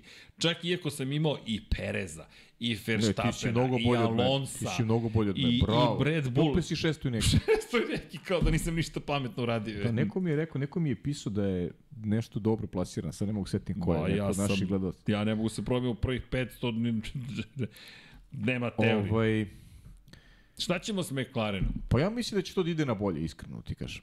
Ti si, ti si dalje tu Jesam, i optimista. dalje sam optimista, znaš, pa mislim, znaš kako, bolje je trka bila ova sada nego prošle godine ovaj, na otvaranju sezona. A da li, da li stvarno šta? Nisu Imam. osvojili poene ni prošle ni ove Pa Šta, godine. prošle godine su za ceo krug su ih obilazili. Ba, činjenica. Izgledali su kao, ne znam, kao, kao turisti. Baš je bilo, baš je bilo tužno za gledati ih. Stvarno mislim, znaš, mislim, prvo verujem u Landa, ja sam neko ko, ko Landa stvarno mnogo ovaj, respektuje, aj tako da upotrebim taj izraz. A verujem i ovog malog. Dobro, Piastri zaista deluje kao neko Mislim da su jed, jedan vrlo, vozač. vrlo zabavan tim. Jedan tim koji će da nam ovaj, pokaže neku realnu snagu McLarena. Imaju to u sebi obojca. Imaju taj neki nerv koji se meni, meni dopada. I ovog malog, dok smo ga gledali u Formuli 3, Formuli 2, izvinjam se što, potreb, što upotrebljam taj termin, ali stvarno, stvarno ga, ovaj, stvarno ga cenim i, i eto, to je, pa ostavio sam ih u fantaziju bojcu, eto, to je, to je jasno. Uradio sam to zbog toga što, što verujem u, ovaj, u McLaren kao tim i u, i u njih dvojicu. Ina, inače, evo, samo kratko da odgovorim, za šta se desilo sa Audi i McLaren, bukvalno je bilo gotovo da će Audi da ih snabdeva motorima, dali su 5 miliona, pa 6, onda sve propalo, kaže da je Audi hteo da se pita za sve. Pa zašto je propao dogovor između Porsche i Red Bulla? Tako je. Porsche je rekao, mi se pitamo za sve. Da li vam deluje da se Zauber nešto previše pita u ovom trenutku kada su se prodali Audi? Ko je, da. i ko je direktor grupacije Zaubera? Andreas Zajdl. Zauber je predao kontrolu Audiju. Dakle, da li će nekad ponovo sebe da otkupe kao što su to radili s BMW-om, ne znamo. Ali Da li je istina? Pa glasine kažu da jeste. I na osnovu onoga kako inače Ali postupuje Porsche sad meni kontra pitanje vama. Da li, da li McLaren treba da uđe u jednu takav proces ili da tavore sa Mercedesom? Ili da se vežu za nekog ozbiljnog proizvođača koji bi mogao da im garantuje ovaj lepšu budućnost. Pa ja bi se prevezao za nekog ozbiljnog proizvođača nego što bih bio ovaj, u nekoj Mercedesovoj senci i, i ovaj, E, ali pa, da li, je, da, li, da li su samo te dve kombinacije? Imaš treću, a to je vezuješ se za proizvođača, ali proizvođač se pita. Pa, mislim, Srki mora se pita nešto proizvođača. Ali da li ti onda naš... ostaješ McLaren ili si ti samo postao Audi novi? I gde je McLaren u toj priči? Znaš, to je ono što, što, što, ajde pitanje, jer Porsche je rekao ne i onda da, ušao priču s Fordom. Ali gde je McLaren sada? Pa, nije Kakve su ti daleko. šanse? Da li možeš ti kao McLaren da, da svoj brend dovedeš Razumem te. Do, do neke prilike da se boriš za titulu ponovo. Ne, ne možeš da dovedeš do nikakve prilike. Ali to Pogotovo je to. Da li sada kako brand? se stvari menjaju. Pa, Kad se prodaš. Pa da. Znaš, ali opet nisi Red Bull da možeš da postavljaš uslove. Nemaš, nemaš Fakat. tu snagu da ti postavljaš uslove. A imao si tu istu Hondu i nisi ništa radio s Hondom. Nisi iskoristio. A sa Hondom dve titule za redom Me, osvajamo. Meni je, meni je recimo, meni je recimo to ono što meni intrigira i što bih volao da se desi. Ne Audi, ali McLaren Honda ponovo. Mene, ja, to ima me, mnogo smisla. Mene to intrigira, znaš, i, i volo bih, sada bi to drugačije izgledalo. I pritom ne bi bilo ovaj, Japancima važno da se samo oni pitaju. To već postoji Oni jedno... nisu to ni pokušali. Ne, ali ali tu postoji oni neće ceo tu postoji, tim. Tu postoji jedna jedna ljubav koja koja traje već decenijama unazad, znači. To je nešto što je ide jedno uz drugo. McLaren i Honda idu jedno uz drugo. Čekaj, ko je sad romantičan? Pa dobro, jesam. Ko je sad jesam romantičan? u toj vezi sam, ba, mislim, s kim je Ayrton Senna osvojio sve titule. Pričali smo o tome, Znaš, tri titule da, s ja, Honda. Ja ne mogu da ne budem romantičan u toj priči, da, da, ali mi, zato, me, zato me intrigira ta, ta, ta veza, znaš, ta, ta mogućnost da, da ponovo neko dobije šansu da ovaj, kao vozač McLaren Honda napravi nešto, nešto veliko. E, mislim da je to neki put McLarena koji možda bude. Ja mislim da ovo od ovu anketu možemo da zatvorimo. 1030 glasova, 45% bi podržalo Hamiltona da. u Ferrariju, dakle 37 ne i 17 ne zanima. Ja mislim da je to više, više nego dovoljno. Ali evo, moje pitanje, da li mislite, da li mislite da bi sada McLaren Honda kombinacija kombinacija bila pobednička. Evo. Kaže Boško, Boško nameštena anketa. Kako sam je namestio ljudi? Pa nemam baš tu mogućnosti šta sam YouTube kontaktirao i namestio anketu. YouTube. Ne, šta, ne dopada mu se, ne dopada mu se ovaj Hamilton u Ferrari. Pit izgleda. Imamo novog člana, Goran Mrđenović. Pozdrav Gorane, pozdrav, hvala pozdrav. za klik na join. Aston Martin i Honda, Siniša Mitrović. Teško dok je Aston Martin u vlasništvu Mercedesa. Ali, ali ok, bilo bi lepo. Za sada Aston Martin, ljudi, zajedno s McLarenom i dalje ekipa broj 2, ekipa, neka budu podjednake ekipe broj B. Evo, Ali samo pogledajte, neko mi pitao da li može Mick Schumacher da vozi za, za Aston Martin. Može. Može. Takav može. ugovor je potpisan. Mick Schumacher kao juniorski pa vozač. On je, on je i test vozač. Tako je, i test da vozač može. Mercedesa. Ne samo za Aston Martin, već može, može i za McLaren, i za, McLaren, da. i za Mercedes. Jedino sa Williamsom nemaju taj ugovor. Da. Što me ne bi iznenadilo. Kaže Ma, Boško Desničić, kaže šalim se, trebali su odgovor da budu ne i ne. Pozdrav Boško. Ali, eto, imamo novu anketu, pa ukoliko želite da odgovorite, dakle, pitanje je Da li mislite da bi McLaren bio kombina, bila pobednička kombinacija? Ne šampionska, neka krene od pobednička kombinacija. Ja mislim da bi, sad tu je problem Zajdl, Zajdel, koliko je pomogao McLarenu, toliko mu je odmogao svojim odlaskom, jer ti gubiš vrednu ličnost. Zach Brown pre, tom nije sebi stvorio prijatelj uzimanjem Oskara Pjastrija. Inače, Loran Rossi, čovek koji vodi cijelu grupaciju, je rekao da za Alpina od sada ima mnogo čvršće ugovore, da više nije na poverenje ugovor sa mlađim vozačima, već ukoliko ulaziš u akademiju, imaš obaveze prema F1 ekipi. Pa, Opekli su se nekom Su- naivnošću. su- suština mi je, Srki, imam problem s time da McLaren bude broj 2. Bilo kome. Znaš, to je... To mi je problem. Kao što mi je problem da Williams nekom bude broj 2. Znaš, to su dva tima koja treba da imaju u sebe proizvođače koji će pokušati da sa njima naprave nešto značajnije, a ne budu u senci Mercedesa, jer mi sad znamo, pazi, ja verujem u, McLaren, verujem u Piastrije, verujem u Norris, ali zašto je to dovoljno? To je dovoljno možda bude ponovo iz pozicije Landa Norrisa da bude da bude sad će biti veći izazov sa Aston Martinom, da ponovo bude sedmi u šampionatu vozača. Ali će biti teže, s obzirom da je Alonso lepo otvorio sezonu, McLaren bez pojene, pitanje je kada će da klikne to, ovaj, kada će klikne taj bolid. Ja verujem da će već u Arabiji da bude bolji u odnosu na prvu trku. Zašto će da bude dovoljno? Pa vidjet ćemo, polako.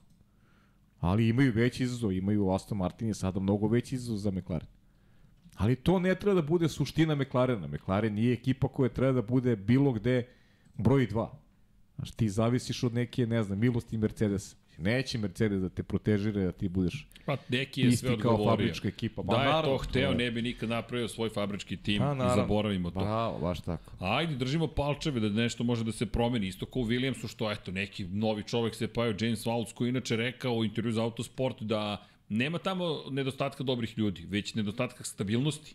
Da ja ne znam da li je on znak stabilnosti. Jost Capito došao, otišao, Darlington Cap- Darlington Capital koji stoji iza svega toga, sponzora nekih nema, a bili su deseti u trci. Pazi, Alex Albon je sjajnu trku Da, ponovo. me, meni ono što najviše smeta trenutno u Formuli 1 je što mnogo ima a, timova koji koriste Mercedesove agregate. I to mi najviše smeta. A imamo samo jedan koji koristi Renault. To je to mi najiskrenije najviše Alpine. smeta baš. Dobro, Je- Ferrari, jer, jer ih kao takve ne vidim u konkurenciji. I zato kad mi pričaš Aston Martin, ne, ne vidim Aston Martin. Aston Martin Red Bull, pa ne može Aston Martin protiv Red Bull, ne može. Ne može, Aston Martin je vezan za Mercedes i ne može on protiv Red Bull. I to je to, može i Mercedes, fabrički tim, Aston Martin ne može. Da, pa i I pričali smo sad i na pravimo, inženjerskom pravimo nivou. priču sada o tome, znaš, da je Aston Martin glavni rival Red Bull, nije. Ne može da bude. Pa to je najveća kritika koju mogu Ferrari i Mercedes da dobiju ikada. Da jedan privatni tim koji kupuje motore od pogonske jedinice od nekog drugog u 2023. predstavlja najvećeg rivala Red Bull. Pa to vam je najsurovija Pa kritika znam, koju mogu to da je dobiju. Srki samo na papiru, to je samo rezultat prve trke. Znaš, nije to realnost, to je rezultat samo. Opet lepo si rekao, odustajanje... Da, to je, kažem ti samo. Ali ajde da vidimo. Ajde da vidimo Saudijsku Arabiju. Kad će ta Saudijska Arabija? A šta ćemo sa Alpinom? Ej, Gasly je na kraju odvezu super trku, 11 poziciju nadoknadio. Čovek je... Marko se šokirao što je već prošlo skoro 2 sata od kad je seo ovde Zato da gleda ga, podcast. zato što ja sad nemam u fantaziji ove godine. Zato je i uspešan ove godine. Ne, ali odvezao je sjajnu trku, Odrekao sam ga, čast. suzao sam okon.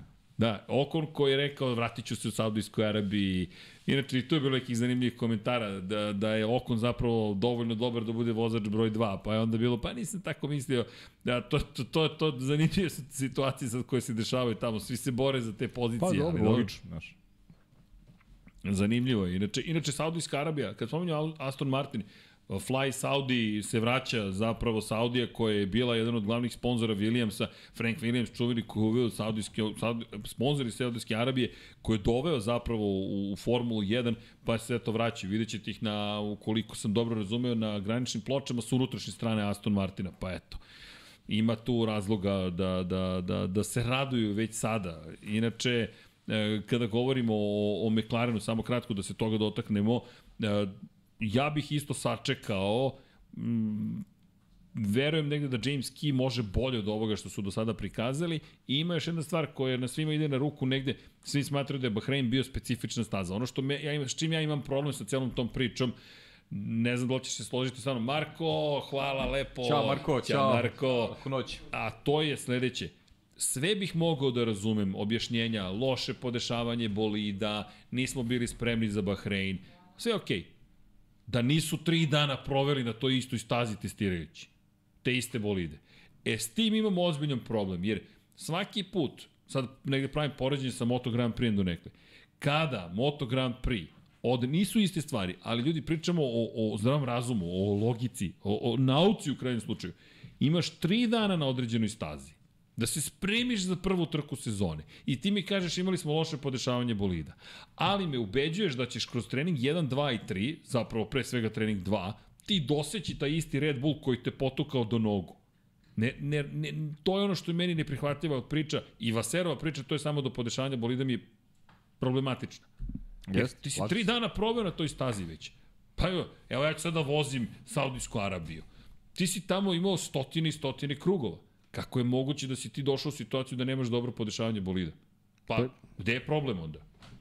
Pa ništa, me problem je, nije problem, nego to je, dobili smo realnu sliku onoga što su ovaj, neke vrednosti realne, ali postoje oni koji to priznaju i oni koji se protive da, da o tome otvoreno pričaju. Tako da, ne, nemam drugo objašnjenje, iskreno ti kažem. Bukvalno. E, inače, kada pričamo o starim stvarima kroz Saudijsku Arabiju, starim sponsorima, zanimljivo ime je izronilo odjednom. Nick Chester, ne znam da li, da li se sećate Nika Chestera, ali Nick Chester je svojevremeno radio za Renault u Formuli 1, otišao posle u McLarenu u tim Formule E i Nick Chester navodno će raditi zapravo za Andretti ekipu. Andretti, koji to ono što nam i Boži rekao, da nisi bio tu, ali planiramo da zovnemo i Božija da nam ispriča Ne, ne, znam, pa da, tad smo- utiske i tako da, dalje. Da, smo pričali, ovaj, da, treba od utiske iz Daytone, već, od, koliko je već treća, četvrta trka u sezoni, a mogli bi da ga zovemo. Mogli bismo da malo se čujemo. Inače, Nick Chester je čovek koji, ono što je meni, hajde, zanimljivo, je čovek koji je preuzeo ulogu vodećeg u Lotusu od Jamesa Ellisona. James Ellison koji je je na putu povratka u Mercedes, koji je malo zaboravljeno gde je sve čovek bio, ali nemojte zaboraviti da je taj čovek bio u Renault sa Fernandom Alonsom takođe. Dakle, mi govorimo o tome da je on proveo dosta vremena u Renault, to je Lotusu, 2005. do 2013. Da, Benetton, Larus, Ferrari na početku karijere za Jamesa Ellisona, međutim, zatim Renault i Lotus. I dve titule sa Renaultom, to je sa, sa Fernandom Alonsom, i onda se vratio u Ferrari, 13, 14, 15, 16, i onda otišao u Mercedes, James Ellison. E njega nasledio Nick, Če, nasledio, o, prostite, Nick Chester. Nick Chester se sada spominje kao neko ko će doći možda u Andretti. Pa eto, zanimljivo. Jeste, zanimljivo baš. Andretijevci se šire na sve strane, skupljaju ljude, ja, ja baš želim da se tu da neka promjena desi. Dalje Cadillac ozbiljan i ne deluje da su sve ozbiljni, ali eto čisto da ih spomenemo, da, da ne zaboravimo. E da, još jedno pitanje. Da malo pre si spomenuo Mercedes, ima mnogo motora. Ok, i Ferrari je tu sa Alfa Romeo i sa, sa Haasom. Kakvu ocenu daješ Alfa Romeo i, Haasu na početku A sezone? ne, ali znaš zašto sam apostrofirao Mercedes? Zato što ovde vidim potencijal da ekipe budu dobre. A Ferrarijevi korisnici ne vidim potencijal Dok znaš, su Ferrarijevi koristi, dok ne Pa dok se postane Ferrari- Audi, Tako je, dok ne postane Audi, to će biti druga priča. Nadam se da i Haas ovaj, će, ići u nekom, neki, da, da, svoj nekom, put. nekom, nekom svom putu, ali znaš, ti za, za Ferrarijeve korisnike znaš da je to, to je neka borba za to neko sedmo, osmo mesto konkurencije konstruktora i to je to za neki poenčić, ekipe. za neki poenčić i to je, znaš, ne, nema tu. A ovde imamo, pričamo o McLarenu, pričamo o Williamsu, pričamo o tom Aston Martinu koji sa logistikom koju ima, sa sredstvima uloženim, da imaju u sebi neko proizvođača, oni mogu da naprave, mogu da utiču na, na, na, na ishode trka. Zato imam problem sa Mercedesom, ne zato što ne, ne, ne iz nekih ličnih razloga, ne znam, ne voli Mercedes ili ne, nego zato što ove druge ekipe mogu da budu, mogu da budu bolje sa, sa logistikom, sa, sa istorijskim nasledđem u krajnjem slučaju. A Ferrari, ovaj, Haas i, i Alfa, ma mislim, to su ekipe koje mogu da eto, uzimaju poene s vremena na vreme, to je to, nema, nema tu neke velike filozofije. I dobar nastup je bio Nika Hukenberga na prvoj trci.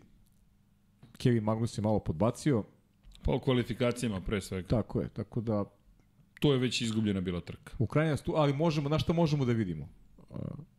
Po njima vidimo da je Ferrari bolji bio na početku prošle godine. Ferrari, agregat, je bio tu kudi kamo bolji.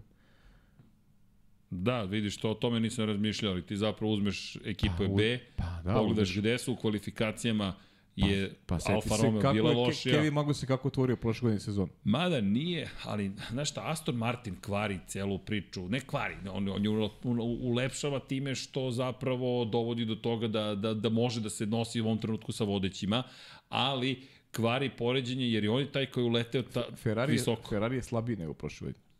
slabije otvorio sezon. To jeste. Ono je bila dvostruka pobjeda prošle godine i direktna bitka sa Red Bullom bez ikakvih problema. Ne, ovdje nisi imao bitku sa Red Bullom, a ove sestrinske ekipe, tanko je to bilo. E, ali kad pričamo o sestrinskim ekipama, da ne zaboravimo još jednu stvar, a to je priča o Alfa Tauri. Alfa Tauri, ti si spomenuo možda Alfa Tauri Honda kombinacija, ali najnovije reči Helmuta Marka, specijalnog savjetnika u ekipi Red Bulla, ali jednog od glavnih ljudi Red Bull Racinga, je da neće ipak Red Bull prodavati ekipu, da je to bila pogrešno prenesena informacija, već i da taj plan da se možda prebaci u Veliku Britaniju se razmatra, ali sve više deluje da je odjek u javnosti bio toliko negativan da je plan malo promenjen. To je samo moj utisak, jer sad otprilike ispade čovjek nije znao baš šta, šta smo mu mi rekli i kako je prenao Da, informacije. ali šta je, ali šta je plan onda? Ne znam šta im je plan, Za, zaista ne znam šta je. Da ja, ostanu, da šta, da budu i oni pod okriljem Forda ili, ili Ono što da su prvo rekli neki... da neki- će koristiti te Red Bull Power Trains koje više ne postoji inače, da, da. Da. da se ne zaboravi. Ove godine to nisu Red Bull Power Trains, to su Honda Red Bull Tako Power. Trains. Honda želi svoj potpis u cijeloj toj priči. Zato i kažem, šta je, šta je plan onda sa... Pa dobro, ajde, vidjet ćemo, o tom potom. Čekamo da vidimo. Ja mislim za Alfa Tauri da zapravo trenutno ne postoji jasan plan. To je moj utisak. Ono Pa što je rekao zvuči, znaš, Helm... tako. Da, izvini.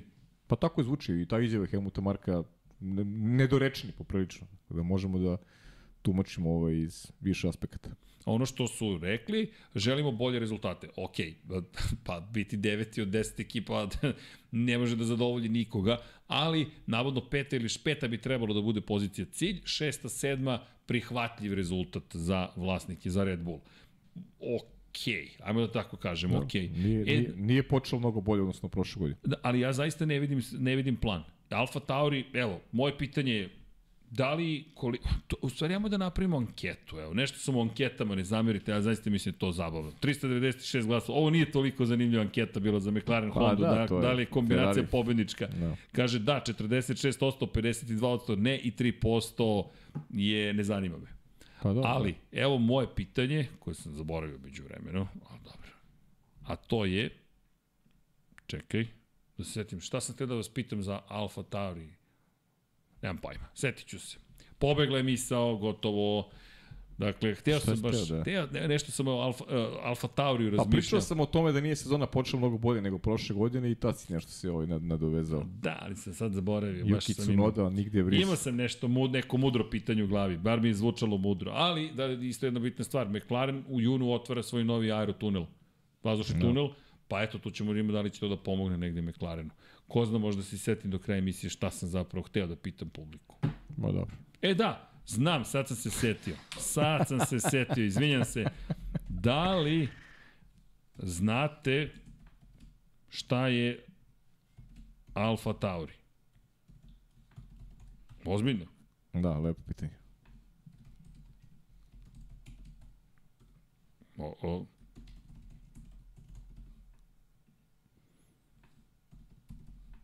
Evo ovako. E, imam još četvrtu opciju. E, blue. Ali nemoj da, da, da, da, evo, pitam da li znate šta je Alfa Tauri.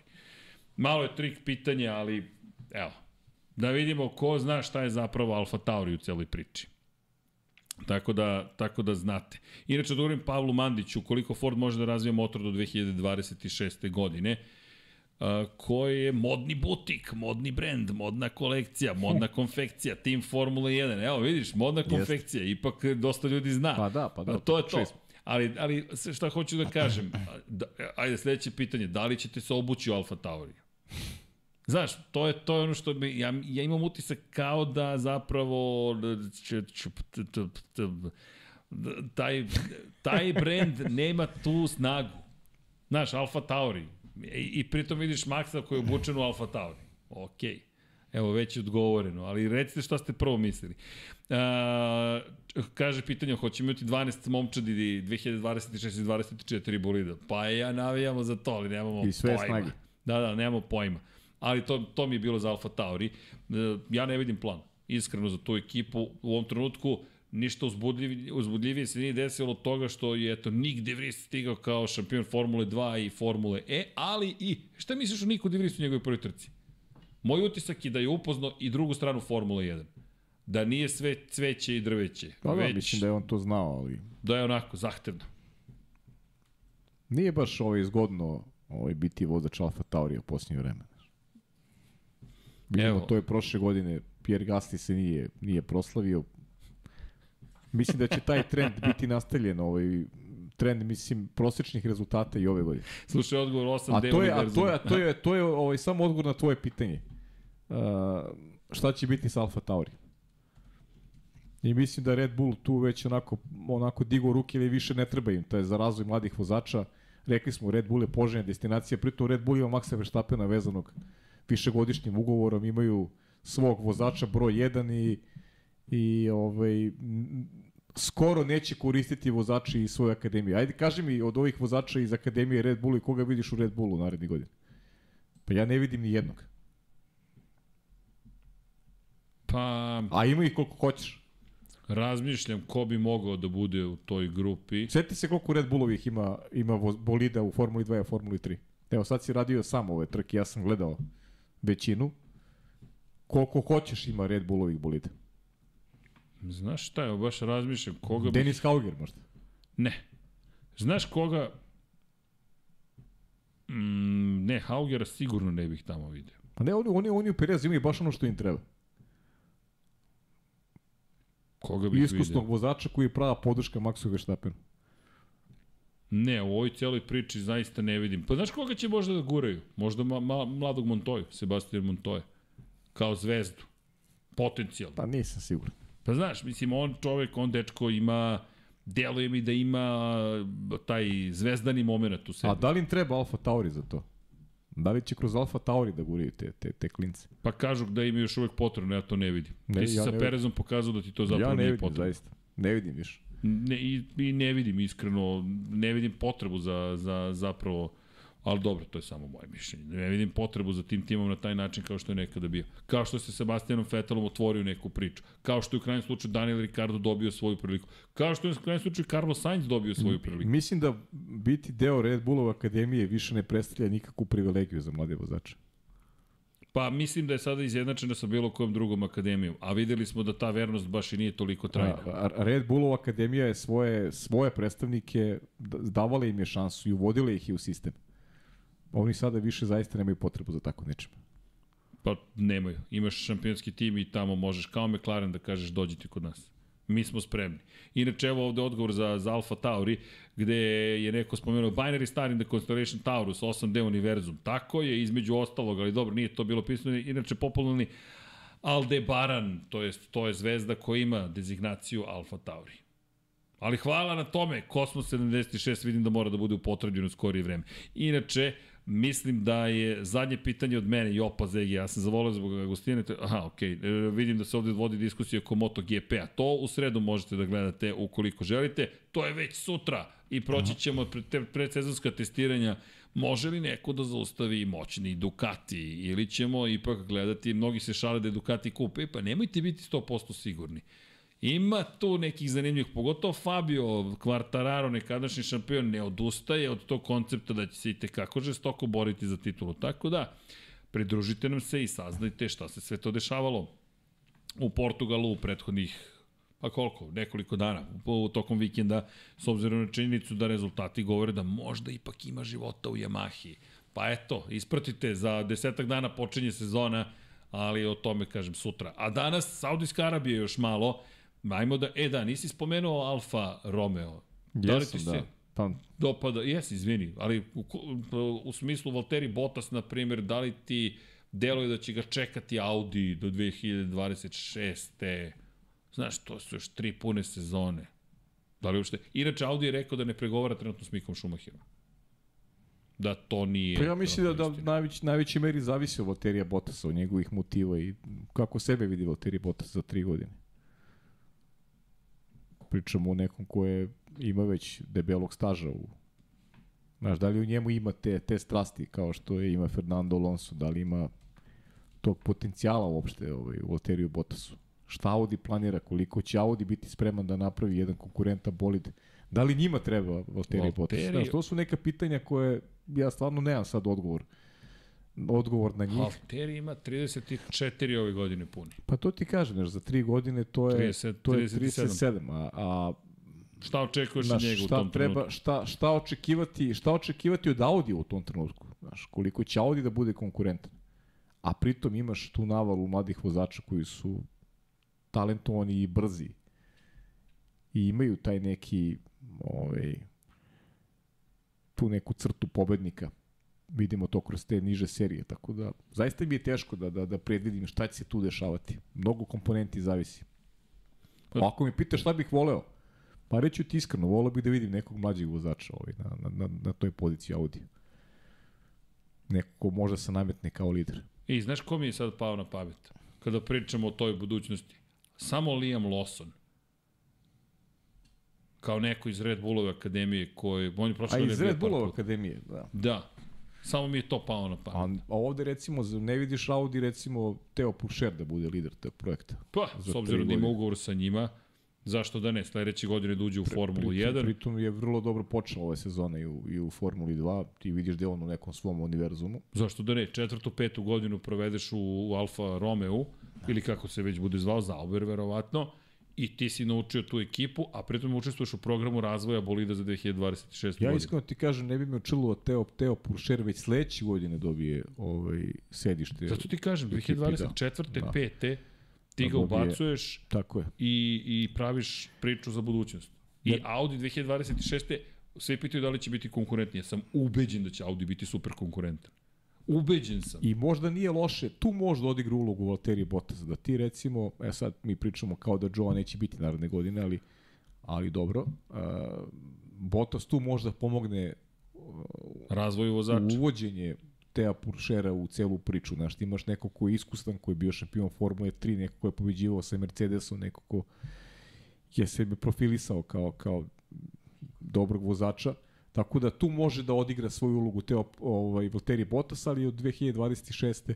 verujem da bi on onda ustupio neko mesto da nisam siguran. Mada eto, ti, ti, ti stariji vozači prko se negde i godinama i stalno misliš da su negde otpisani, da, da više nisu spremni da da pruži maksimum. Ko zna, možda Bottas i dalje bude bio motivisan za, za neki novi početak. Pazi, ono što je rekao Valtteri jeste da je korporativna politika takva u Audiju da mu daje mnogo više privatnih sloboda, lične slobode, ne lične, u smislu toga šta sme da uradi na poslu, već van posla uh -huh. daju mu mnogo više slobodnog vremena. To je zanimljivo, još nisam, nisam video to. Da, to, da. to je interesantno. Ovaj.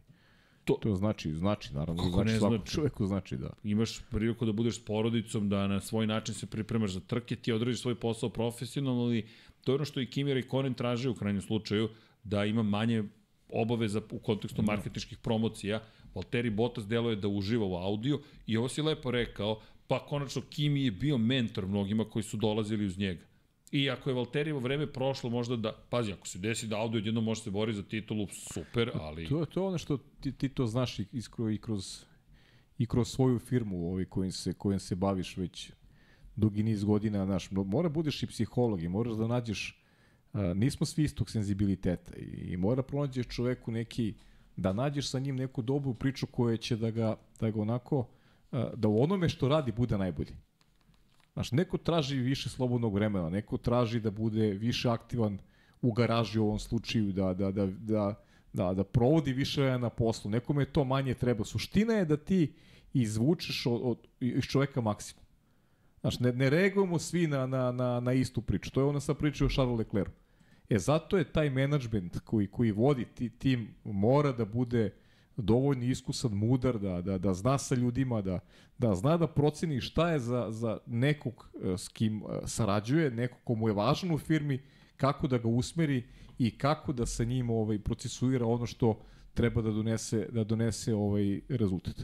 Tako e, e vidiš, to je sad neki podatak koji ja nisam znao i hvala ti na tome, znači Valtteri Bottas to može mu produži karijeru. Bukvalno. A može da pruži zato što ima povratnu informaciju dobru, radi ono što on voli, ispunjen je uh, izvan staze, može na stazi da bude u dužem vremenskom intervalu posvećen jer jer nema te neke stege, nema uh, nema nema mučninu kada mora da da provodi vreme negde koje je za njega gubljenje vremena koje je za njega nepotrebno, znaš. To je... I koje te dodatno onda opterećuje. Opterećuje ti, skraćuje, skraćuje si- ti karijeru, skraćuje ti, realno ti skraćuje Pa karijeru. i stvara želju da možda to upravo to, da, da odeš negde drugde, da nemaš dalje od ovoga, samim tim to to u je kraj. svakom poslu, znaš. Izvuci iz mene ono najbolje. Znaš, daj, mi- daj mi, pusti me da budem, da budem ja, da budem svoj. Da budem svoj, ja ću da ti vratim to na, na Pogotovo višestruko ću da ti vratim. mi Znaš. malo stariji. Pa da, ako ćeš da me uvlačiš u nešto što što nije koncept, moj koncept življenja, pa, znaš, onda ću da, da izgubim nit, izgubit ću ovaj, strukturu sebe, izgubit ću, izgubit ću ono, ono, što sam, ono u čemu sam najbolji. Znaš, to, to je suština cele Pa priče. vidi, na primjer, apropo moje kompanije, sada i postoji neka druga kompanija, ne vodim je ja, u kojoj sam aj, tihi partner. Da. Da. Dakle, a, trenutno, čisto da znate, kada vam neko kaže, ja, ko ćete zaposliti sa 40 godina? Mi trenutno najviše težimo tome da zapošljamo super mlade koji nisu imali prvo, nemaju nikakvo radno iskustvo, zašto? Zato što verujemo u taj koncept, e, nemaš radno iskustvo, ajde da pokušamo mi da ti otvorimo neka vrata, da, po, da te oblikujemo u smislu onoga što mi vidimo da kako treba raditi i druga grupa koju volimo i kako da angažujemo su ljudi koji su blizu 40 i preko 40. Zašto? Već su dovoljno, šta, šta je problem uvek sa nekim koji ima prvi posao? Uvek ti je zelenije kod komšije trava. I uvek veruješ da. Da. je mnogo bolje negde drugde, dok ne odeš i kažeš da li ti je zaista bolje ili nije. Jer to zavisi od osobe do osobe. A druga ekipa jeste ljudi koji su prošli sve i svašta i koji su zahvalni upravo za to. Aha, vi me nećete zvati u slob, moje slobodno vreme. Aha, mogu da odem kući ranije ili mogu da dođem kasnije ili da završim posao. Pa da. E, to je neverovatna, neverovatna količina zahvalnosti, što zvuči tako suludo zahvalnosti, ali to je neki naš princip gde pokušamo da izvučemo maksimum iz ljudi. To, ovo Jeste. sa Botasom meni tako upravo dele. Da, I da.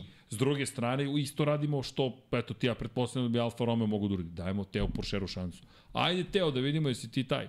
Znaš, Da. Teo, da li ti možeš, i to ono što je Botas lepo rekao, nije kritikovao nekoga, rekao je samo različite kulture, različiti pristupi koji njemu očigledno odgovaraju. Jeste, Tako da mi je drago, drago mi je da to čujem zapravo. Jeste, ali- zalazimo malo dobro, ti ja Dobro, volimo da uđemo u neke naš ovaj To, neke tako tako priče je. jer su jer su zanimljive, onako životne su mnogo Pa su važne, su, mnogo su nisu. važne. To ti je kao znaš, imao sam ovaj u, u, u karijeri ovaj susretanja sa ljudima koji su mislili da je to što sede na poslu od jutra do sutra da ih to čini dobrim radnicima, znaš. A, to je upravo onako bilo bilo kontraproduktivno, znaš, ovaj više su se bavili spletkarenjem nego što su radili, znaš, to, to su ti te Znaš, onda tu, tu treba da prepoznaš te neke, ovaj, neke stvari koje su, koje su važne za, za koncept onoga što je suština, to je šta si uradio na poslu. Znaš, Pa- koliko si sebe dao, koliko si sebe dao poslu. Jer neko će za dva sata da uradi ovaj, više nego, nego neko ko sedi 12 sati. I ono što izvini je pitanje šta te dočeka u fabrici, na primjer, ako te dočekaju tračevi, ti misliš da je tvoj posao da tračaš. Jeste. Ako te dočeka posao i kaže, vidi, ovde smo organizovani da radimo, ti ozmeš i radiš.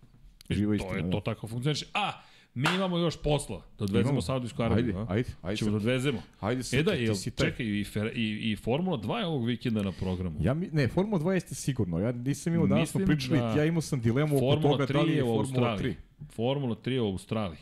Ajde da proverim da ne budem lenj, ali Formula 2, tako je Džeda, a Formula 3 nam se vraća u Australiju. Da vidim samo da proverim, tu imamo isto nekih lepih pričica. Ne, tako je Albert Park.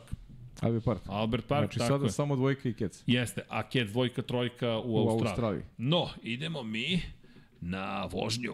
Ajde, da. Dobro, imali smo ove nedelje i i trku Naskara. Ove, sada ću malo, to Boris Tutin je gledao verovatno, ja sam ovaj za vikend se bavio malo nekim drugim stvarima, nisam čak ni pogledao ni highlights trke da budem iskren. Ali ćemo pričati malo više sa Božijem ovaj, u nekom momentu javit ćemo na vreme kada, kada će to da se desi, kada ćemo da aktiviramo aktiviramo Božija. E, Da, William namestio Byron je sam pobedio, se. da. William Byron je pobedio u Phoenixu. Prva njegova pobeda ove sezone, dakle to je onako bila jedna opet neki, sad sam vidio da je bio neki košan u finišu i, i pobeda pobedu da Vilijama Bajrona, ono što je lepo. Volan. Cijeloj priči više interesa i više radite pobednika koje godine. Pa sada Srki, šta si Ferrari, a? a Ferrari, ne, Alfa Romeo za 2023. Alfa to je jedino što da, smo bravo. dobili. Ne vidim od kamere od... Vidio sam da se crveni.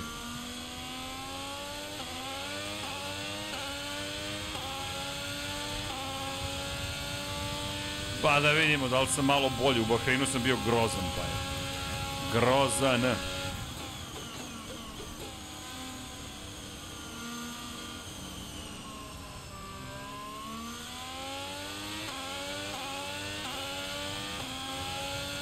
Malo sam lošiji sad na početku. Dobro, zaboravio sam gde su mi tačke kočenja.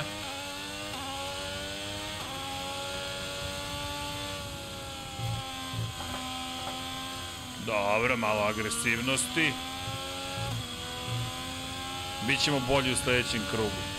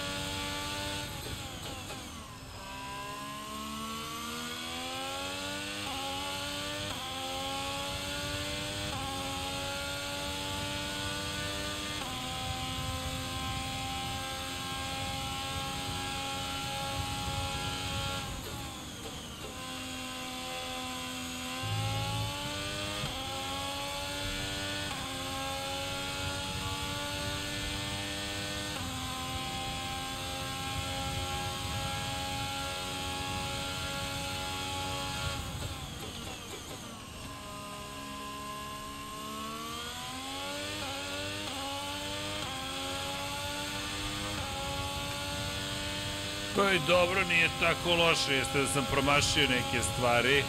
A, reci, pa jo. Svaka čast. Dobar si Srki, dobar. Svakog dana, svakom pogledu sve više napreduješ. A, reci. Ovde sam, sva, ovde sam i prošli više put. volio da je Deki ovde, da vidimo, Da imamo duel, a? da vidimo duel. Bra. Ja, bra.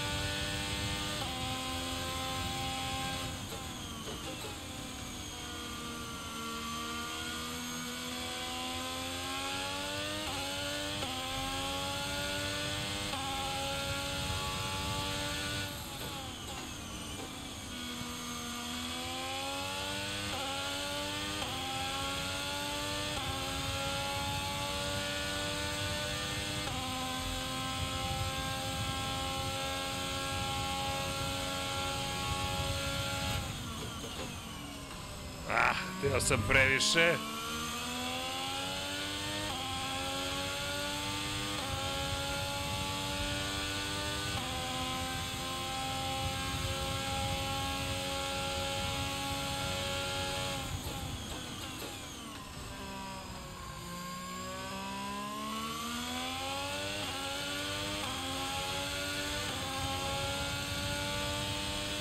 Dobro, Pajo, ovo možemo da se i trkamo, a? Šta ti kažeš? Dobar si, dobar Srki. Izgleda ti leži ova staza. Da, da, ovo sam još, a opet sam poništen krug, dobro. Dobro, dobro. A. Ali nisam izveo Šumahera, makar ne još.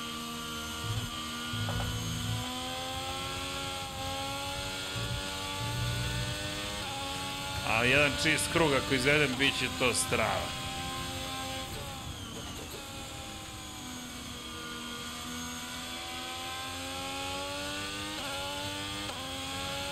Ili ti bilo je dosta slobodnog vremena na sajmu knjiga u Novom Sadu. A, tamo se vežbalo, a? Jeste, jeste, kako ne. I ne samo mi, mnogo dece je vozilo. A i Pa, odrasli. To je super, da, to je... Tako je bilo i ovde, da.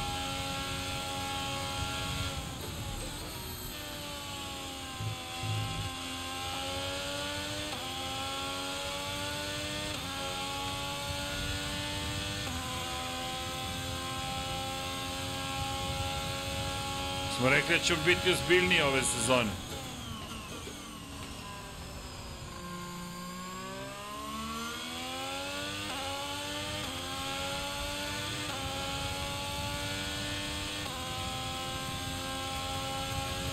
Jedan 37 1, dobro.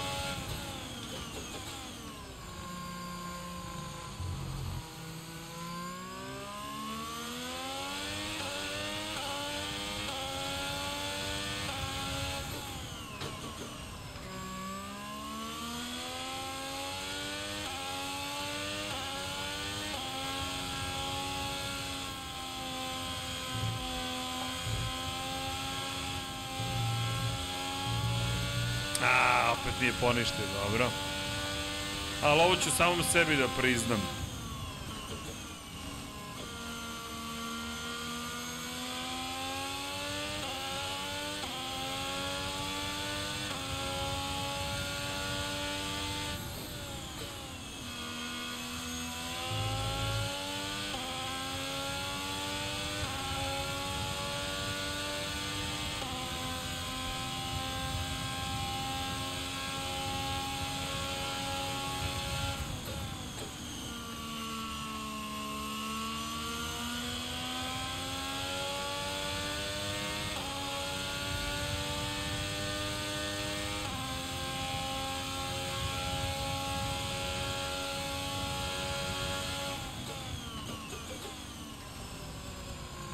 Malo ovde Max Verstappen, ali dobro.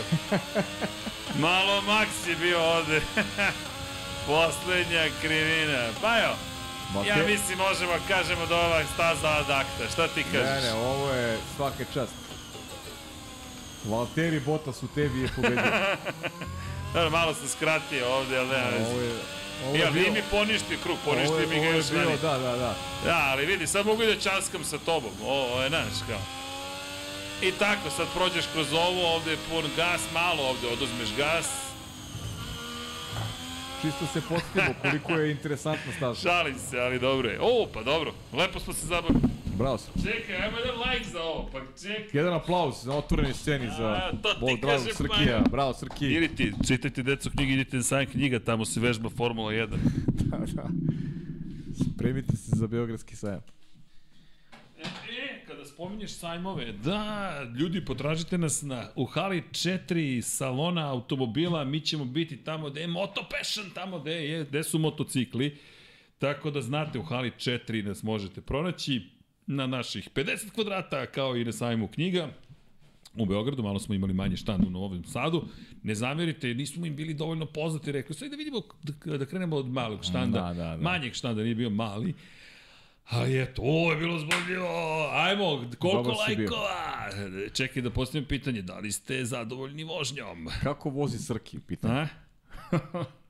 Dobro, ni- nisam bio loš, a? Kako vozi Srki Bottas? Sledeći put kamera, kaže. Dobro, bit će...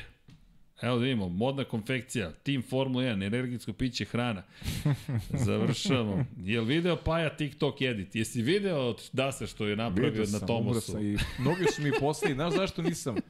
E, Nisam okačio jer sam vidio da si ti to, ovaj, ali, ali, Dobro. ću, ali ću rado ponovo da ga okačim ovaj, na, na, ovaj, na, na svoj story, ono je, ono je fenomenalno. Da, I ono znam, jeste. da se, znam da se time bavi i u podcastu. I, Da, da, da, da, da, bio je momak na mi gostov, A, Ilija da, Zec. znam, da. Našom, sa vožnjom, evo da postavim pitanje, u F1 2022. Fenomenalno, baš je, baš je, ovaj, baš je dobro. E, ne zanima me. O, da, evo, postoje sam o, pitanje, ali Ilija Zec, pozdrav za Iliju Zeca, za one koji nisu videli čovjek je ne znam sad koliko ima već pregleda, ali bio nam je gost u prethodnom uh, podcastu Sad Moto Grand sad Prix-a. ću ja da okačim ovaj, I bilo na story ponovo, da. Na, Jer je stvarno fenomenalno. da, inače, Mr. Jim podsjeća, to nismo spomenuli. Šta? Pričali smo u najavi sezone. Jedda je promenila stazu, krivina 4, krivina 10, zidovi su udaljeni, nisu odmah do same, sta, do same staze i same krivine su samim tim šire. Tako je, tako da da kaže dobar si do, kaže so crazy designs dobar si dobar pozdrav sa Novosadskog sajma Nikola pozdrav za Nikolu pozdrav sa Nikolu sa Mašinca momka koji nam se javio javljam ti se Nikola apropo i montaže i tako dalje Jopa ZG Kaže, dosta si napredo od prošle godine. Tako je. Pa rekli smo onda ćemo vežbati, da ne možemo onako nezbiljno više da vozimo. Kaže, nezgodno je džeda, svaka krivina liči jedna na drugu. E, ali nije, ljudi, čini vam se kada jednom naučite zapravo, um, uđe vam u nekako u, u ritam staza. Nije, nije stvarno, Delo je po, na početku teško, međutim, kažem ti, pošto smo imali vremena koleginice iz prodaje i ja na sajmu, mada, bilo je dece koje su se toliko naigrala, nevero, neverovatno. Evo kaže Rki Koki, 570.000 pregleda ima na TikToku, ali ne, samo sam htio da kažem, a to je da da smo zapravo u celoj priči na sajmu imali vremena da vežbamo, ali nije staza u Jedi toliko kompleksna kada naučite nekako imate par krivina koje su zaista zahtevne. Ta prva krivina, snažno kočenje, tu manje više što god hteli dok je izvučete. Sledeće to skretanje u levo, to je ne znam koja peta krivina, na primjer, opet je nagle krivina, pa opet naglo u desno i posle toga ide gaz, gaz, gaz, gaz, gaz, tamo gde je Schumacher, nažalost, imao incident i onda imate tu ukosnicu koja je mnogo lepa krivina i tu sve lepo ide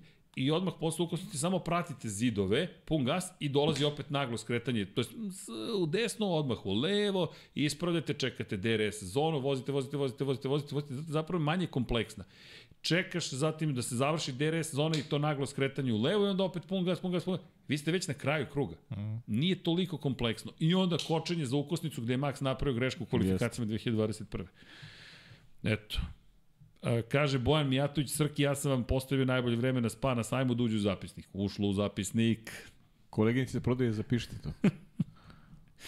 da, inače, sajam nauke, nas neko pita da li ćemo biti na sajmu nauke. Sajam nauke? Nisam ni znao Kad kada je. Nauke? Nemam pojma, evo sad ćemo svi zajedno da nastavimo. Festival nauke, festival, na, možda je bilo pitanje za festival nauke. A, čekajte da vidim, pobeglo mi je a, ko nisam vidio ko je to pitao. Mm, Srđan Perez Erceg, ležem u ulične staze, tako je, Valtere. A, nezgodna je, e, dosta, gde nas, kamera iz kacige, ovo je varanje. Jaf, Jaf, ma, Jaf Maverick, ok, ajmo, kamera iz kacige sledeći put, dogovoreno, dogovoreno. Ne, ne, ne može zadovoljiti publiku. Ne vredi. Kaže, Gojko, ono crno je asfalt. Hasan Bratić, citat. da, da, da, da, da. Čekaj, niko je pitao za, za... E, kaže, u Srki dovedite Darina Petrića, vaše kolegu komentatora, mislim da bi, bi onda bili najjači. U smislu, verovatno vožnje, pretpostavljam da bismo tek on... E, moguće, nisam, nisam video, ali Uh, sajam, Dušan, uh, Dušan pita Glavonić da li ćemo biti na sajmu nauke. Festival nauke, sajam nauke, ne znam kada je. Evo našao sam festival nauke, nisam našao. Od 4. do 6. maja Beogradski sajam. To je to. Pa nismo razmišljali o tome, ali sad ovako kad nam tako kažete, da. mi po, dobro zvuči. Ne znam sad baš da li smo mi adekvatni za da. sajam nauke, ali... Pa možda misli zbog tvoje frizure. A jeli, taj pa, čekaj, hoćeš ovako da nosim. Ova, evo, oba, evo, evo i ova, a, hoćemo ovako. Srki Einstein, to je taj.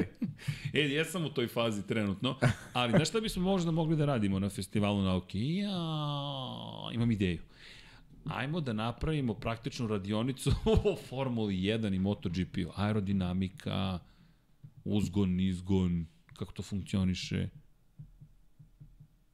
Pa, to zvuči. Nauka kaže bez prestanka. Ok, evo, hvala Gorane za predlog.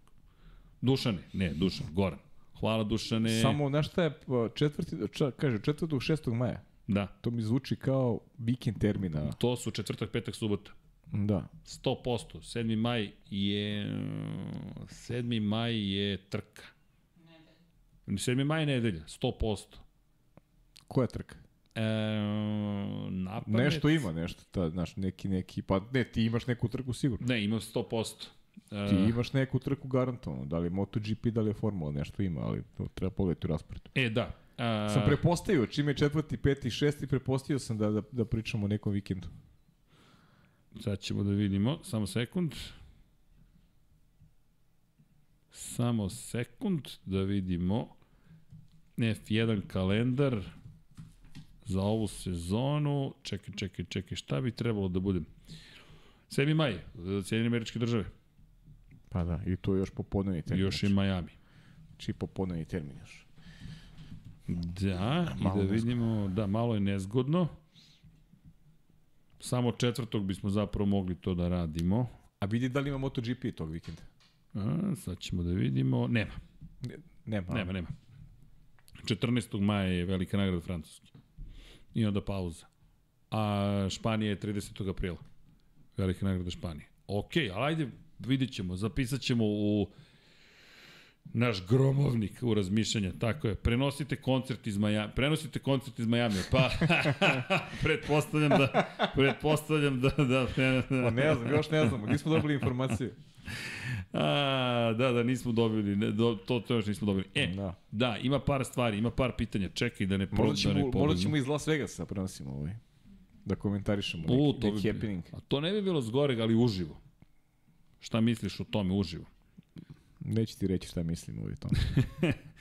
E, ima Đorđe Radović nekoliko pitanja, Vojin Kostić i tako dalje.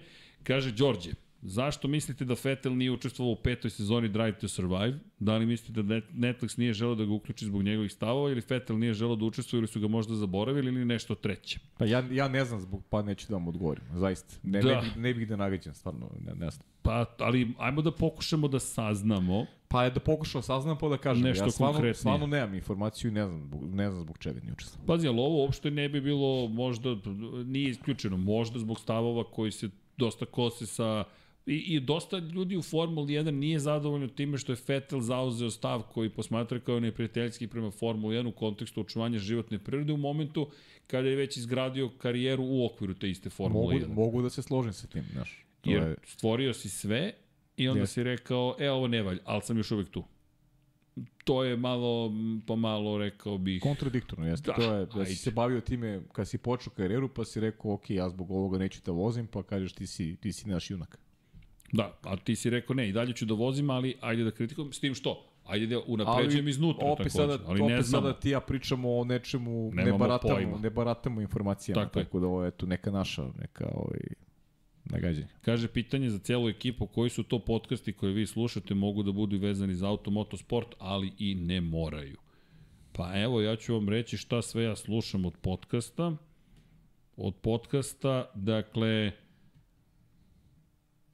što se tiče domaće, dobro, Agelas, naš drugar, svakako ga slušamo. E, jao Mile, slušamo, jel, jel te?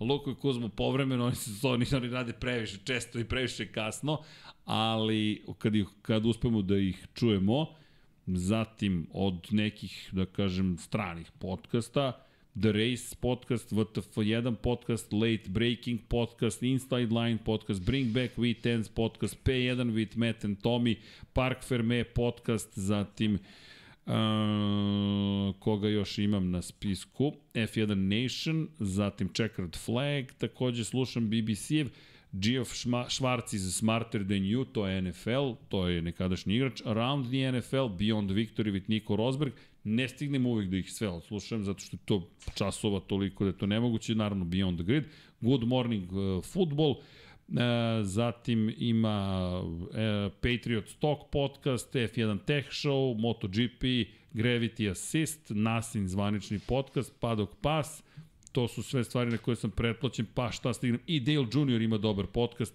ali nisam stavno uspeo da ga odslušam kako treba, svog prosto negde prioritizujem, prioritizujem neke druge stvari.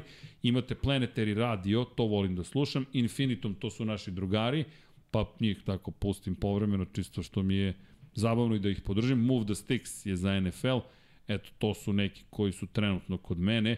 E da, i imam i ovaj, mada deco, ne znam, ovo je za plus 18 više, ovo mi je bilo zanimljivo sa Asom, um, sa Asom Akirom, to je čuvena porno glumica koja ima zvanični Pornhub podcast, što mi je to bilo zanimljivo, pa da vidim šta imaju da kažu u porno industriji u kontekstu toga čemu se radi u tom podcastu, pa mi je to bilo zanimljivo da čujem, pogotovo što je ona bila u vezi sa Jimmy Garoppolom, quarterbackom, sada quarterbackom Las Vegas Raidersa, Dom Pablo, gde god daje će se obradovati toj celoj priči, ali eto, to su podcasti koje, koje tako slušam i naravno kad god nešto naleti još.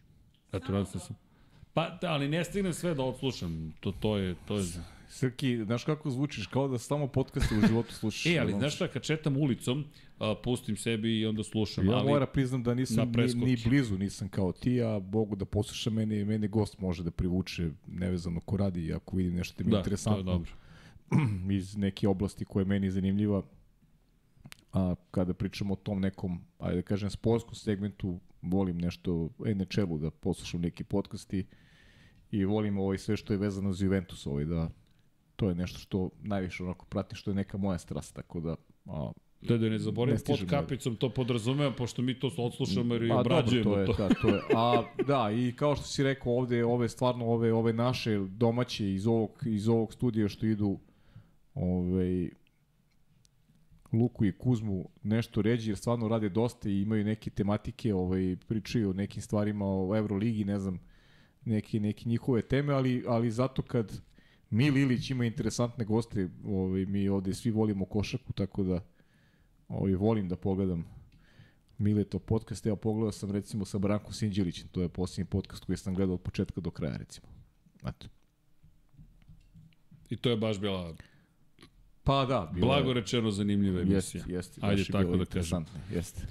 E, zatim, o, o, imamo još pitanja koje smo dobili takođe.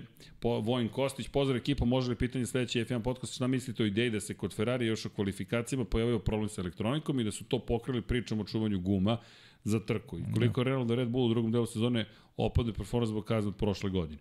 Pa to su To rekli zaista, da, to da. i pričali, to su zaista Ferrari rekli, baš sam danas radio i i ovaj Confidential isto Da, da, je da. upravo na tome se bazirala cela priča vezano za Pa verujem da je tako, da, zaista da je tako.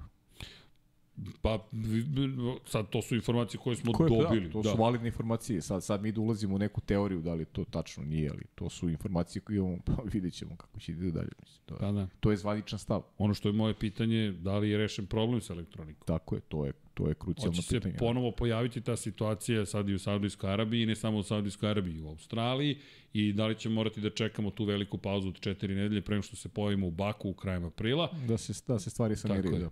Tako jer to je ono što ne znamo. Ima dosta nepoznanica.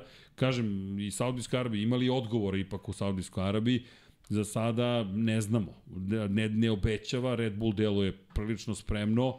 Ova staza inače gladna je po pitanju po pitanju snage motora. Honda ima snagu motora, pouzdani su bili i da pričamo o tome da, da ko je čuvao gume, ko ima najbolju strategiju, opet Red Bull, Red Bull. Ja ne znam koju tačku zapravo nisu imali, osim što je Guanju Joe zapravo oteo taj najbrži krug. E, to je bila lepa strategija, oteti Gasliju najbrži krug, umanjiti mu jedan poen mu uzeti. Verujem da ćemo u jednom periodu trke, a to možda bude početak, imati malo tog trkanja Maxa Verstappen i Charles Leclerc. Nadam To se, mi se Nadam javlja, se da si upravo. to mi se javlja, a tipujem na Maxa da će Max da pobedi u ovoj trci. Da, top 3, to su nas pitali. Da li imamo... Imamo ja top 3, to su, to su dva Red Bulla i Charles Leclerc. Meni su to top 3. Mm, Okej. Dobro, kažu, otvori futbolski podcast. Ne, to će to, to, ili smemo da pričamo o tome? Smemo. To Smemo će, da to će naš dragi kolega Smiljan Banjac, ovaj, uskoro ćete imati priliku da iz ove kuhinje gledate futbolski podcast i Baki je i dragi kolega i jedan divan čovek i neko koji je u futbolu pre svega ceo život, tako da a, ako mu treba neka pomoć, može da mu se pomogne svako, ali, ali ovaj, Baki će to da radi kako treba i uživat ćete, verujem, u tom podcastu. Eto, tako da, da znate, to se sprema i oni koji vole NBA, to su već Miksa i Vanja najavili, kreće njihov podcast 1 na 1 koji će se baviti NBA ligom, tako da znate, eto. Prosto, potrudit će se ekipa Infinity Lighthouse zaista da, da vam prenese što više informacija može. Dakle, ko je pratio i bilo je futbolskog globusa, bio je ovde i, Piramida radosti, međutim ekipa je na sve strane sveta, Tako da znate, a NBA prosto niko nije pokrio, tako da su Miksa i Vanja sedeli i rekli, ej, čekaj, mi stalno pričamo NBA između sebe, ajmo da pričamo i za stolom. Tako da za ovim stolom, eto, očekujte njih dvojicu, a što se tiče futbola, bit će Baki tu, pa eto, potrudit ćemo se. Tako je. Potrudit ćemo da mu pomognemo. Ja ne mogu znanjem, ali mogu tehnički, eto, toliko. Pa, dobro. Toliko od mene. A top 3, dakle, ti si rekao, uf, Ja sam rekao dva Red Bulla i, i, i Charles Leclerc. tim redosledom, Pa mislim da će redosled da bude eh, Max eh, Charles eh, Čeko. Ovaj, možda bih više volao tako da bude, jasno, ali svakako, eto, eto, neka bude to moja prognoza. Max Charles Perez. Kaže Srđan Lukić, a šta je crklo kod Charles Leclerca? Srđane, ja ću da vam odgovorim jednim linkom. jednim linkom ću da vam odgovorim kako ne znate, pa ima ceo jedan podcast posvećen tome. Evo za sve koji nisu gledali, pogledajte, pinovaću ovu poruku, tako da Srđane, pinovan je naša, naša emisija šta se to pokvarilo na Ferrariju. I tako da znate. Kaže, Master ima jedan na jedan po uzoru na film ili pogledajte, ispratite pa ćete vidjeti da ja ne otvaram celu njihovu priču, da im ne kradem najavu u potpunosti, tako da znate. Ja inače moje mišljenje je, ajde, pošto sad da malo bude malo za, za, za ja sam verovao da će Ferrari biti konkurentniji u Bahreinu, uprkos, I, i ja sam, eto, Svemu. da, da, da budem iskren. ali ajde ovako, čisto da obrnemo prošlu sezonu.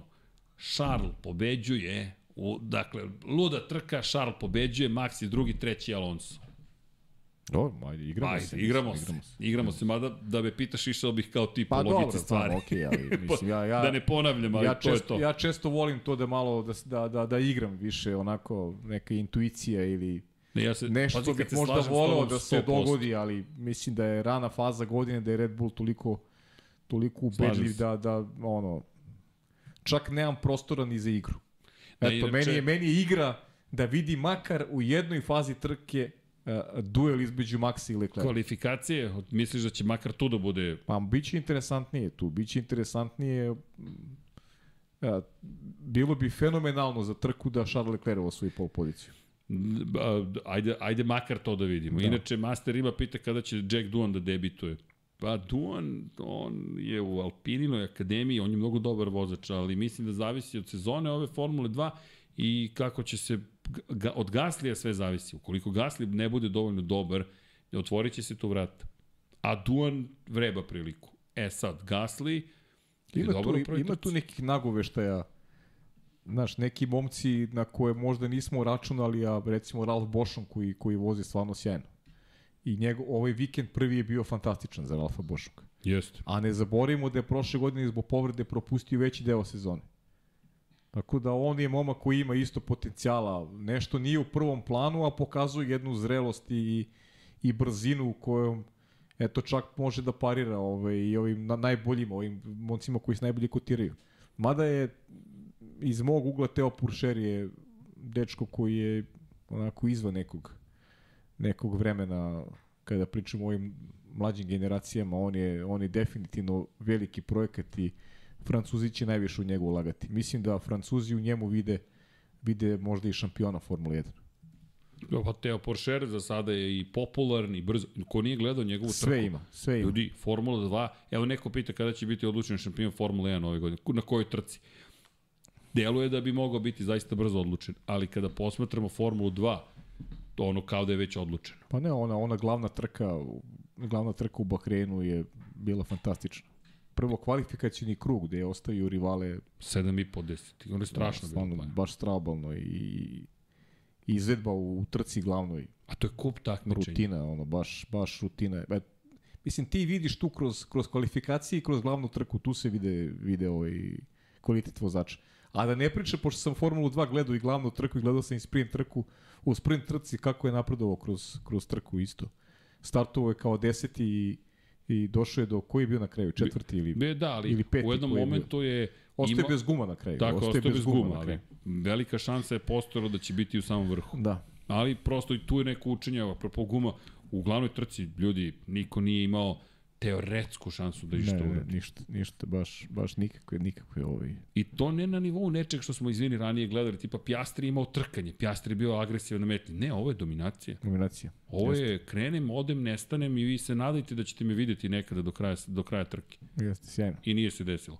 Tako da tamo mislim da će se sezona brzo, vrlo brzo zapravo rešiti. Eto, šta vi mislite ko će da pobedi? Evo ja sam ostavio uh, link čisto ko želi da pogleda, ali ajmo evo i da vas da pitamo ko pobeđuje. To možemo da vas pitamo ko pobeđuje zapravo u ko pobeđuje u Saudijskoj Arabiji u F1 2023. godine. I da se polako pozdravljamo. Pitanje su dakle Max Verstappen, Charles Leclerc, koga još dodajemo? Pa dodaj sve iz, ovo- iz ove tri vodeće ekipe. Čeko Fernando Perez, Alonso. Da, da, Čeko Perez, Fernando Alonso, stavi Hamilton i Russella, naravno. Ne mogu, imamo samo četvr, četiri A, dobro, pon. Neko, dobro, četvr, neko četvrti. Dobro. neko Max četvrti. Leclerc Alonso, mislim da je to u redu. Može, u redu. je. Evo, postavljeno pitanje. Za, u, ostoji link gore, opa, nisam znao da može i link i, i anketa. Ko pobeđuje u Jedi, Max, Max ili Max? da, da. Max ili Verstappen, ko je bolje u njih dvojica? A, da, da, da, jako. Dobro, evo, odgovorite na pitanje. Ima još neko pitanje kod tebe, Pajo? Nema, Srki, čekaj da, imam, da pogledam, možda ima. Ako Ajde, nešto da ima. Da se, ovaj... Koleginice iz prodaje smo nešto propustili da promovišemo, najavimo, prodamo. Uskoro će biti i ovo online, tako da pratite društvene mreže, 49 samo primjeraka imamo, jedan moramo da sačuvamo za nas i 49, 50 smo uvezli i to je od 300 koliki je ceo tiraž, dakle više od toga nismo mogli da dobijemo. Ja ne, čovjek je pao u nesvijest kad su rekli dajte nam 50, rekao okej, okay. eto to je to. Što, što bi Will Buxton rekao, ko prvi prođe kroz cilj, pobeđuje u trci. Da, to je ovaj, sjajno rečeno. Sjajno rečeno. Da, a Formula 3, Ako Formula 3 kaniš nema ovog pobediti, ne vikenda. smeš izgubiti. Tako je, ako kaniš pobjediti, ne smeš izgubiti. e, kaže Dušan, znači možda da vas očekujemo na sajmu. Na sajmu automobila smo sigurno u hali 4. Na sajmu da automobila, ali A, ovde... sajam nauke, ajde da sajam vidimo nau- da ćemo Sajam nauke nije baš, nije realno. Ljudi, nije realno. Da, Da ne bude sada ovaj da, da ovaj da nešto se daju neka obećanja, probaćemo, nećemo, ali čim ima trke tog vikenda nije realno. Da, inače, evo, pita, pretpostavljam da je ovo Zeka 75. Šta je to Zen iza pa i da li to je VR kaciga na slici? To je knjiga Meta Oaksley-a. Ako me budete pitali da li smo kupili prava, ne brinite, kupit ćemo prava. Ali jedno po jedno zove se Zen i umetnost trkanja na motociklu. Matt Oaksley i jeste Valentinova kaciga, Rosija. Tako da Matt Oaksley koji nam je bio ovde u studiju, dragi gost, možda će biti i ponovo, ko zna, i ovde imate njegovu zapravo celu knjigu o umetnosti trkanja na motociklu, pa sad Svaka čast Matt Oxleyu, jeste kakav trud je uložio da ogroman. i to je ljubav. Tako je, i To Stealing je Speed klasična ljubav, strast. takođe ćemo, nadam se, prevesti. Tako da znate. I da li će biti novih kuhinja? Da, tri nove knjige stižu, da ni za, za dve već znate koje su, pa i za treću znate koje i neću vam reći kada će biti u pretprodaju dok prelom ne ode u štampariju. Tako je. Naučio sam još jednu lekciju, dakle, tek kada bude u štampariji, e, onda idemo u pretprodaju. Neke stvari smo zaista eto, previdjeli da mogu da se dese, naučili smo još nešto o industriji knjiga, učimo stalno, ne zamirite, ali mi smo i dalje novi i tako trudimo se. Pozdravi iz Mostara, posebno za Paju, kaže Dražan Lončar, tako da znaš. Hvala Dražene, puno veliki pozdrav za Mostar.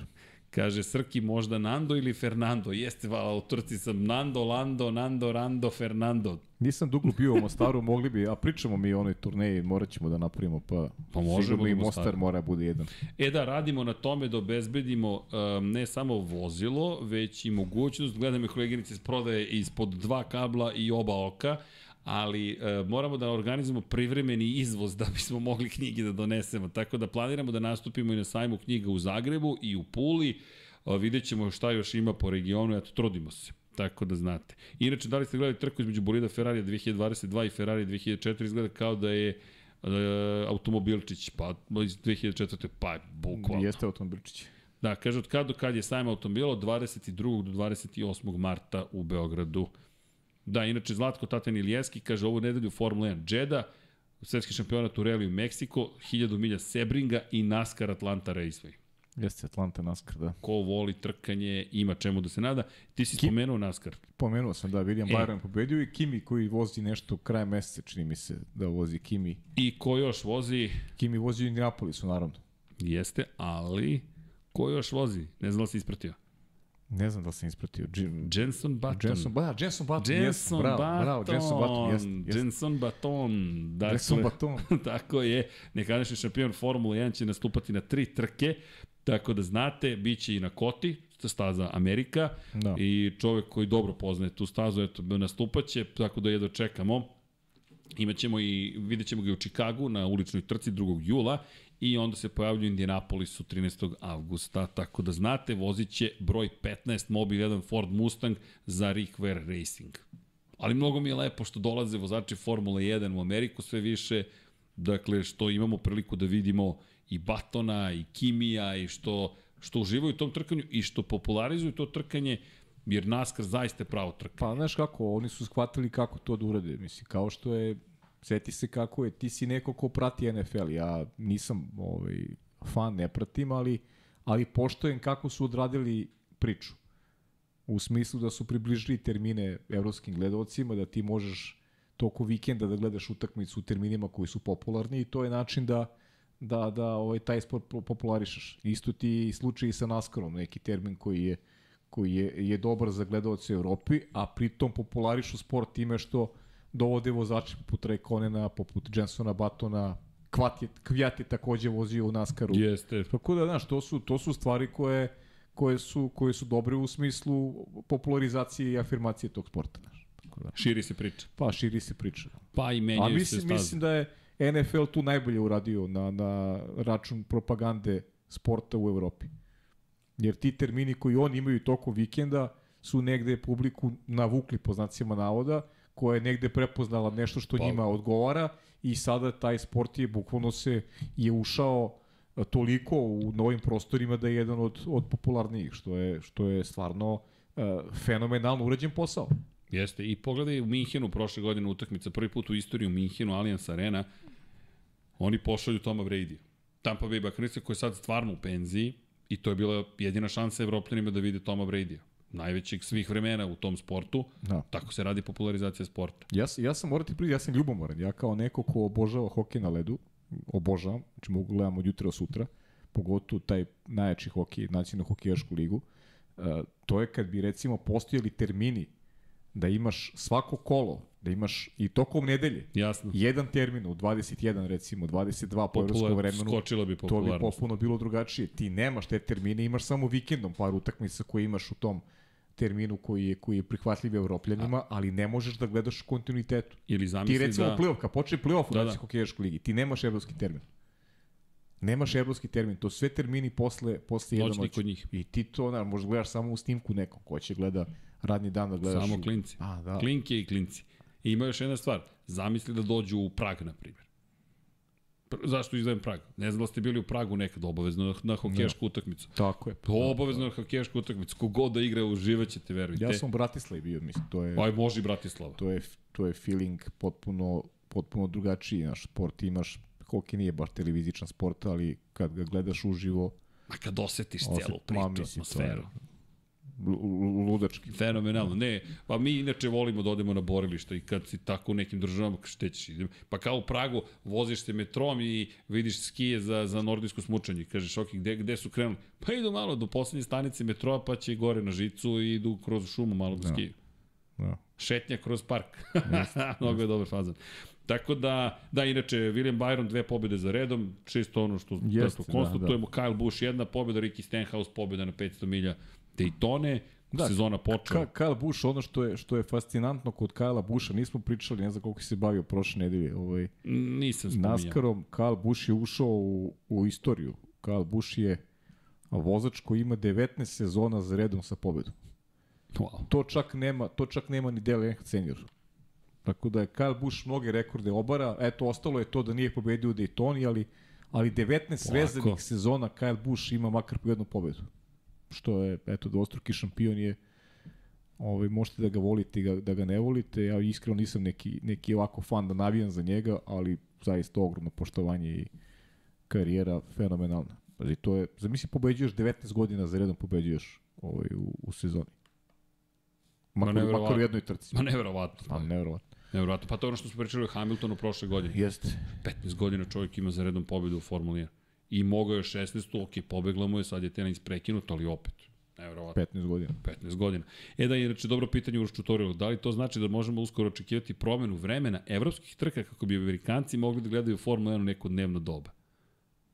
Pa Pazi, kad mi to nije palo je, na da, pamet. To je, to je dobro pitanje, da. Odlično pitanje, bravo. Ja mislim, Zaista, moguće, zaista dobro moguće, pitanje. Moguće, zato što, mislim, e, kako bi ti rekao, Formula 1 je sport koji se razvija u Evropi, definitivno. I, ovaj, I vrlo moguće da će zbog cele priče strukture ljudi koji vode ovaj, Liberty Mediju i činjenici da se da se širi ovaj na američku teritoriju formula, vrlo moguće će se to dogoditi. Odlično pitanje. Ba, stvarno je ovo Odlično dobro, ovo baš treba pratiti. Jeste, jer kad kažemo to, ja stvarno kažem, nisam, ne pratim NFL, ali jako poštojem šta su ljudi uradili u, u sklopu afirmacije sporta i kako su ga približili evropljanima sa tim terminima, to je stvarno fenomenalno. Jer ko bi voleo, ko bi ovde zavoleo i, i počeo prati sporo da su ti termini i posle jedan, posle ponoći. Da, pa dobro, nisu svi, ali imaš ti evropske, imaš, možda gledaš dve, tri, možda gledaš dve utakmice tokom dana, nekad i tri. Pa ne, kada počinje, na primjer, ajmo ovako, trka u Evropi kada počinje u 14.00. To je ujutro. To je 7 ujutro u Americi. Kada se pomeri trka na 15.00, to je 8 To je ujutro osam, na istočnoj obali, a 5 ujutro na zapadnoj obali. Čisto da ne zaboravimo velika kontinent, velika zemlja. Dakle, ako se pomeri, ali ne, teško je pomeriti na 4 popodne trku, to već ulazimo u zonu toga da li ćemo stići na vreme, da li zalazi sunce. Teško je, teško je, da. Baš je, baš je teško to izvesti, ali ajmo ovako. U, ovo je odlično pitanje, fantastično pitanje. Čekaj da zapamtim koga je postavio. Uroš Čuturilo, čekaj da odlično. Uroše, bravo. A, I sad pogledaj ovo. Trke, na primjer, u, na Bliskom istoku, njih možeš da pomeriš. Pomeriš ih više ka noći i ti si dobio onda i Sjedinjene američke države. Pa da. Dob, dobro, do, odlično, bravo. Hvala Uroše, hvala. To je baš zanimljivo. Da, ali ne vidim da će se Pa, ozbiljnije znaš pomerati. kako, Srki, je- više. suština je da ti gledaš što više ljudi. Jeste. Na planeti. Jeste suština, pa da. Tako je. Tako je, tako je. Niko I, nije, niko nije kriv po znacima navoda što, je, što živi u drugoj vremenskoj zoni. Daj omogući njemu da gleda to što voli. pa evo i Merima Kutlovac to pokonstatuje. Nisu li svakako već krenuli sa laganim pomeranjem termina? Koliko se sećam dok sam bila mala, svaka evropska trka je bila u 14.00, kvalifikacija u 13.00. Jeste, Bravo, Merima. jeste, tako to je je. to. Jer ti i zapravo se, ali vidiš, kad je počeo prelazak na 15? Sa Liberty Sa Media. Liberty Medium, pa da. Bravo Uroše, hvala. Jeste, jeste. To je to. istina, Jedan pa da. sat pomeriš, ti si dobio Pa makar da istočnu da, obalu. da smo se mi nervirali. Da, da, da. nismo se nervirali. Ja smo navikli na taj termin u, Ali u dva, da. nismo razmišljali planetarno, okej. Vrlo zanimljivo. Nismo razmišljali planetarno, dobro si rekao. A, Baš to, nismo. A, to jeste suština, da, da, da što više ljudi gleda. Da, kaže, ko trenutno ima najbolji aerodinamični bolid po vama? Pa, ima najbolji. Nekako se na, nameće po, se, a? po, pobedili su, pobedili Nameće su ljudi. Ovo, b- broj, broj jedan je Red Bull pa Aston Martin, ali, Mhm. ali ljudi, Red Bull, to smo pričali prošle godine, nemamo, ali spremamo vam za četvrtak. Ja mislim da će to biti poslastica. Malo ćemo se vratiti unazad na 2022. ali spremamo u tri dimenzije bolid Ferrari SF23, koji će prikazati zapravo i donji deo bolida, zapravo one čuvene Venturijeve tunele i kako to funkcioniše i zašto, šta je zapravo Red Bull postigao. Ljudi, dno Red Bulla je, je super aerodinamično efikasno. Kako, ne znam, to je toliko genijalno šta je uradio nju i nemamo pojma. Ivice poda su mnogo važne svakako, jer dole sve izgleda tako slično jedno drugome, ali kad dođete do toga da zapravo dole radi sistem, pod usisava bolid, polje niskog pritiska je tako moćno, vi onda gore možete da smanjite aerodinamički otpor, zato što je bolid već usisan samim podom. I Četvrtak, 17 časova. četvrtak 17 časova, evo koleginica iz prodaje kaže čet- četvrtak 17 časova F1 Technical, s tim što ćemo uvesti i MotoGP Technical. Ne znam da li ćemo uspeti ovog, ove, ovog četvrtka ili ćemo to ostaviti za sledeći pred početak sezone, ali tamo ljudi ulazimo u zonu sumraka po pitanju aerodinamike, Venturijevi tuneli se pojavljuju na motociklima, itd. itd. itd. Tako da znate, ali to je nešto što nas mnogo zabavlja i mi uživamo u, u tehničkim analizama. I evo, pomerili smo ih iz podcasta jer stvarno mislim da treba da budu odvojeni. Jer to može da potraje i treba da bude odvojeno. Tako da znate, pa eto, pozivam vas da nas se pridružite za to u 17.00. Sutra 21.00 podcast o Moto Grand Prix-u da malo proberemo po rezultatima predsezonskih testiranja, a Dušan Glavnić kaže, pa nju je prosto genij, mislim da RB bez njega ne bi bilo što jeste. Apsolutno. Slažemo se, slažemo se. Apsolutno. Za, Činjenica. zašto je moj hollywoodski scenario za Ferrari Hamilton Njuj?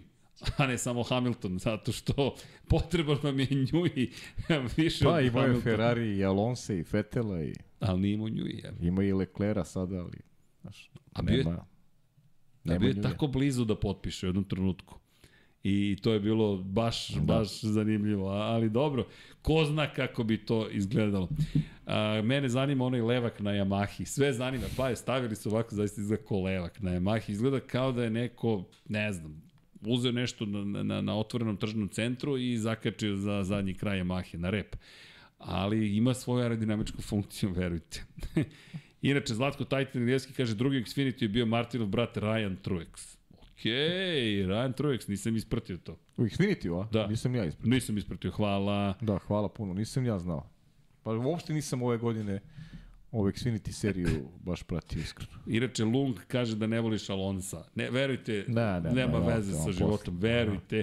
Jer e, kaže što se vraća iz pensije, nema šta da traži, nema brzinu, McLaren će da kide kakav Aston Martin, ne znam šta bi trebalo da se dogodi da bude realan. Ja mislim da, da nije rekao da Aston Martin neće biti dobar pa, nego da neće biti bolji od Pa Mercedesa. ne, ne može da bude, ne može da bude bolje od. Mercedesa. Ja, meni smeta, rekao sam šta mi smeta. Smeta mi što ima toliko korisnika.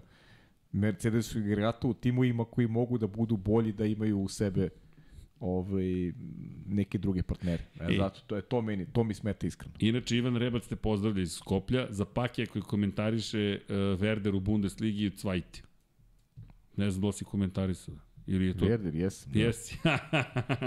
Dobro, prati Znači da, se. znači da voli Werder. Da. Da. Jesam, komentarisao sam neki put, dešavalo se da je u Cvajtiju, Da. ali ne znam odakle mu i gotivim Werder mi je onako, drag mi je klub.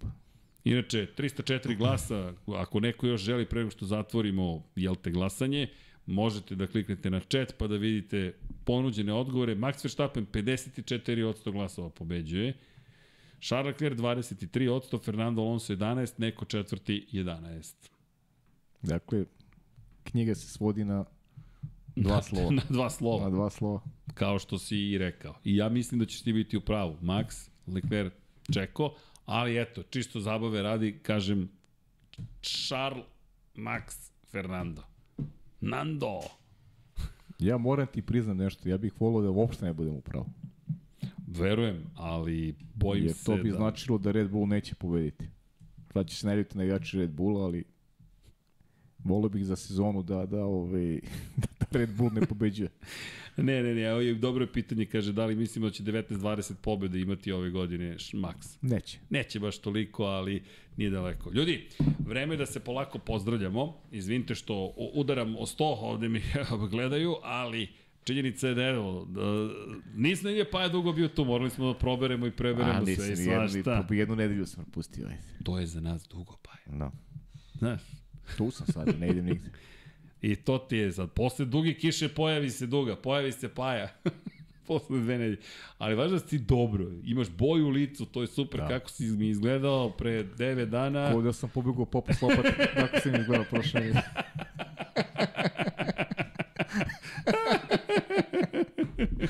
Kao i uvek, nedostajao si.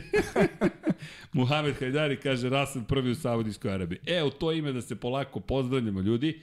Ja bih samo da vam poručim jednu stvar, nećemo danas neke dublje teme da otvaramo, ali pošto, ali želim nešto da vam kažem kratko, nisam na početku, ali m, zaista mazite se i pazite se i budite dobri jedni prema drugima. Život je dragocen, previše kratak nažalost i ja, eto, želim da kažem da mnogo te volim, pa inače ako ti ne govorim to dovoljno često, govorit ću ti češće. Hvala sam Tako da znaš. I hvala. I, I deki tebe ako slušaš, gde god da si u ovom trenutku, mada mislim da u zemlji snova, pošto znam kad kreće ujutro. Ali hoću da vam kažem, budite dobri jedni prema drugima. Znam da to možda nije nešto pretarano popularna poruka, ali baš me briga. Mazite se i pazite se i tako vodite računa, svoje bližnje baš čujte, poželite im sve nešto lepo, ujutru ih pozovite, pošaljite poruku kako god, verujte, vredi. Sledeće nedelje ćemo da pričamo i o nekim drugim temama, spomenut ćemo još neke stvari i tako dalje i tako dalje, ali samo hoću da vam kažem da, da, da treba da se mazite i pazite, ništa drugo. Evo, Jopa Zege kaže, čuo sam kod Luke i Kuzme, Da, možete da pretpostavite teme, ali kažem ne bih da otvaram sada pošto pošto nekako nije nije trenutak, ali m, zaista samo budite dobri jedni prema drugima. A mi želimo posebno da se zahvalimo našim Patreonima i članovima, pa i svima vama koji nas slušate i koji nas i kritikujete i volite i ne volite kako god.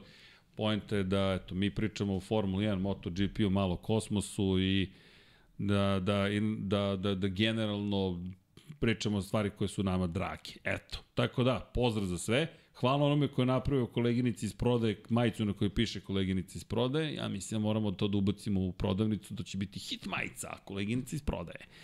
Tako da znate, a Kada pričamo o, o, o svemu ono što vas čeka kod nas na Infinity Lighthouse-u, sutra Moto Grand Prix, prek sutra Formula 1 još malo, ako vam izvinite nije bilo dovoljno, pa onda 99 yardi i tako dalje i tako dalje i bit će zabava u Saudijskoj Arabiji. Gospodin Pavle Živković nastavlja niz, ja nemam niz, ali, ali smo tu u svakom slučaju. Na silu, na silu sam nastavio. niz. Ali, ali, ali tako šampioni, nema odustajanja. Nema, nema, da. Nema, tako da i, i samo hoćemo da, da, eto, da vas pozovemo da uživate u ovoj trci koja je pred nama. I kaže Srđan Lukić, lako vama, radite posao koji najviše volite, činjenica. Lakše je, lako je, kako god.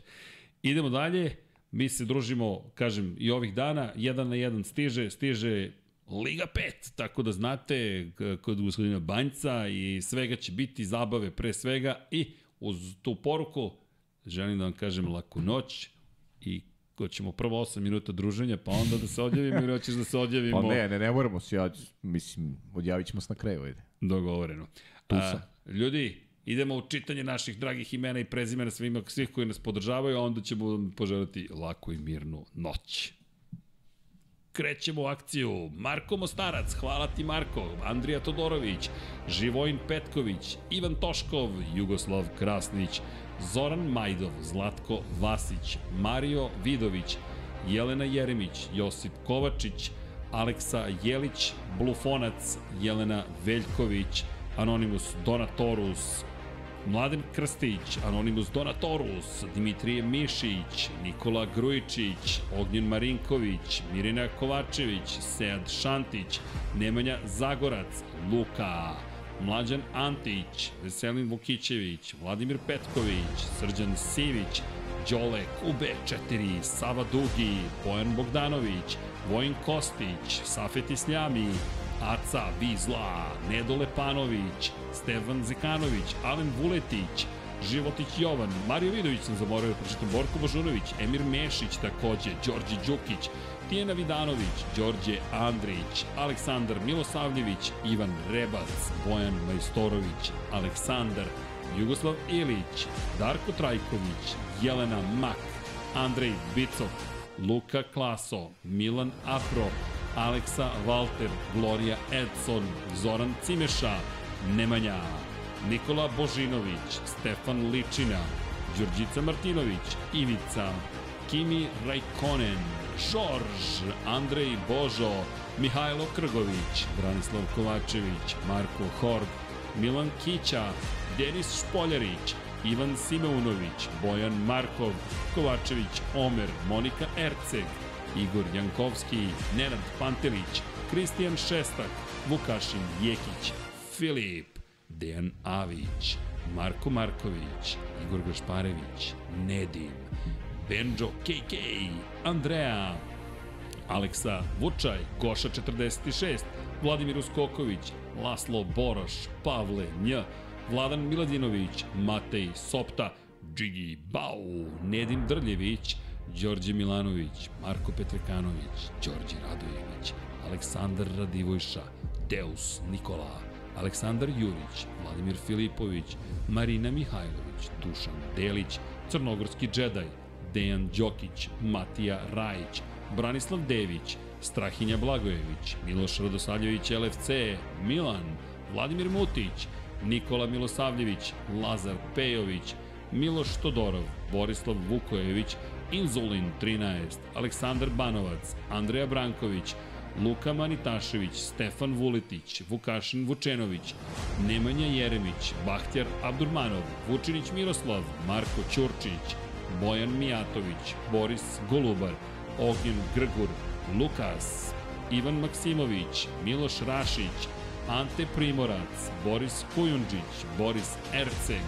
Dragan Matić, Dragan Nikolovski, Dušan Ristić, Lazar Hristov, Luka Savović, Branko Bisački, Armin, Ljubo Đurović, Stefan Lešnjak, Miloš Vuletić, Igor Vučković, Nemanja Miloradović, Milan Paunović, Bata Brada, Miroslav Cvetić, Damen Veljanoski, Danka, Nenad Đorđević, Ivan Panajotović, Marko Bogavac, Ivan Milatović, Vlada Ivanović, Da žena ne sazna, Glob štovatelj Ramana Mireza, Petar Relić, Mladen Mladenović, Ivan, Stefan Prijović, Marko Kostić, Jasenko Samarđić, Petar Nujić, Nikola E, Vanja Radulović, Jasmina Pešić, Aleksa Lilić, Đole Bronkos, Zorana Vidić, Optimista, Josh Allen Fan, Milan Nešković, Borislav Ivanović, Stefan Milošević, Aleksandar Antonović, Stefan Radosavljević,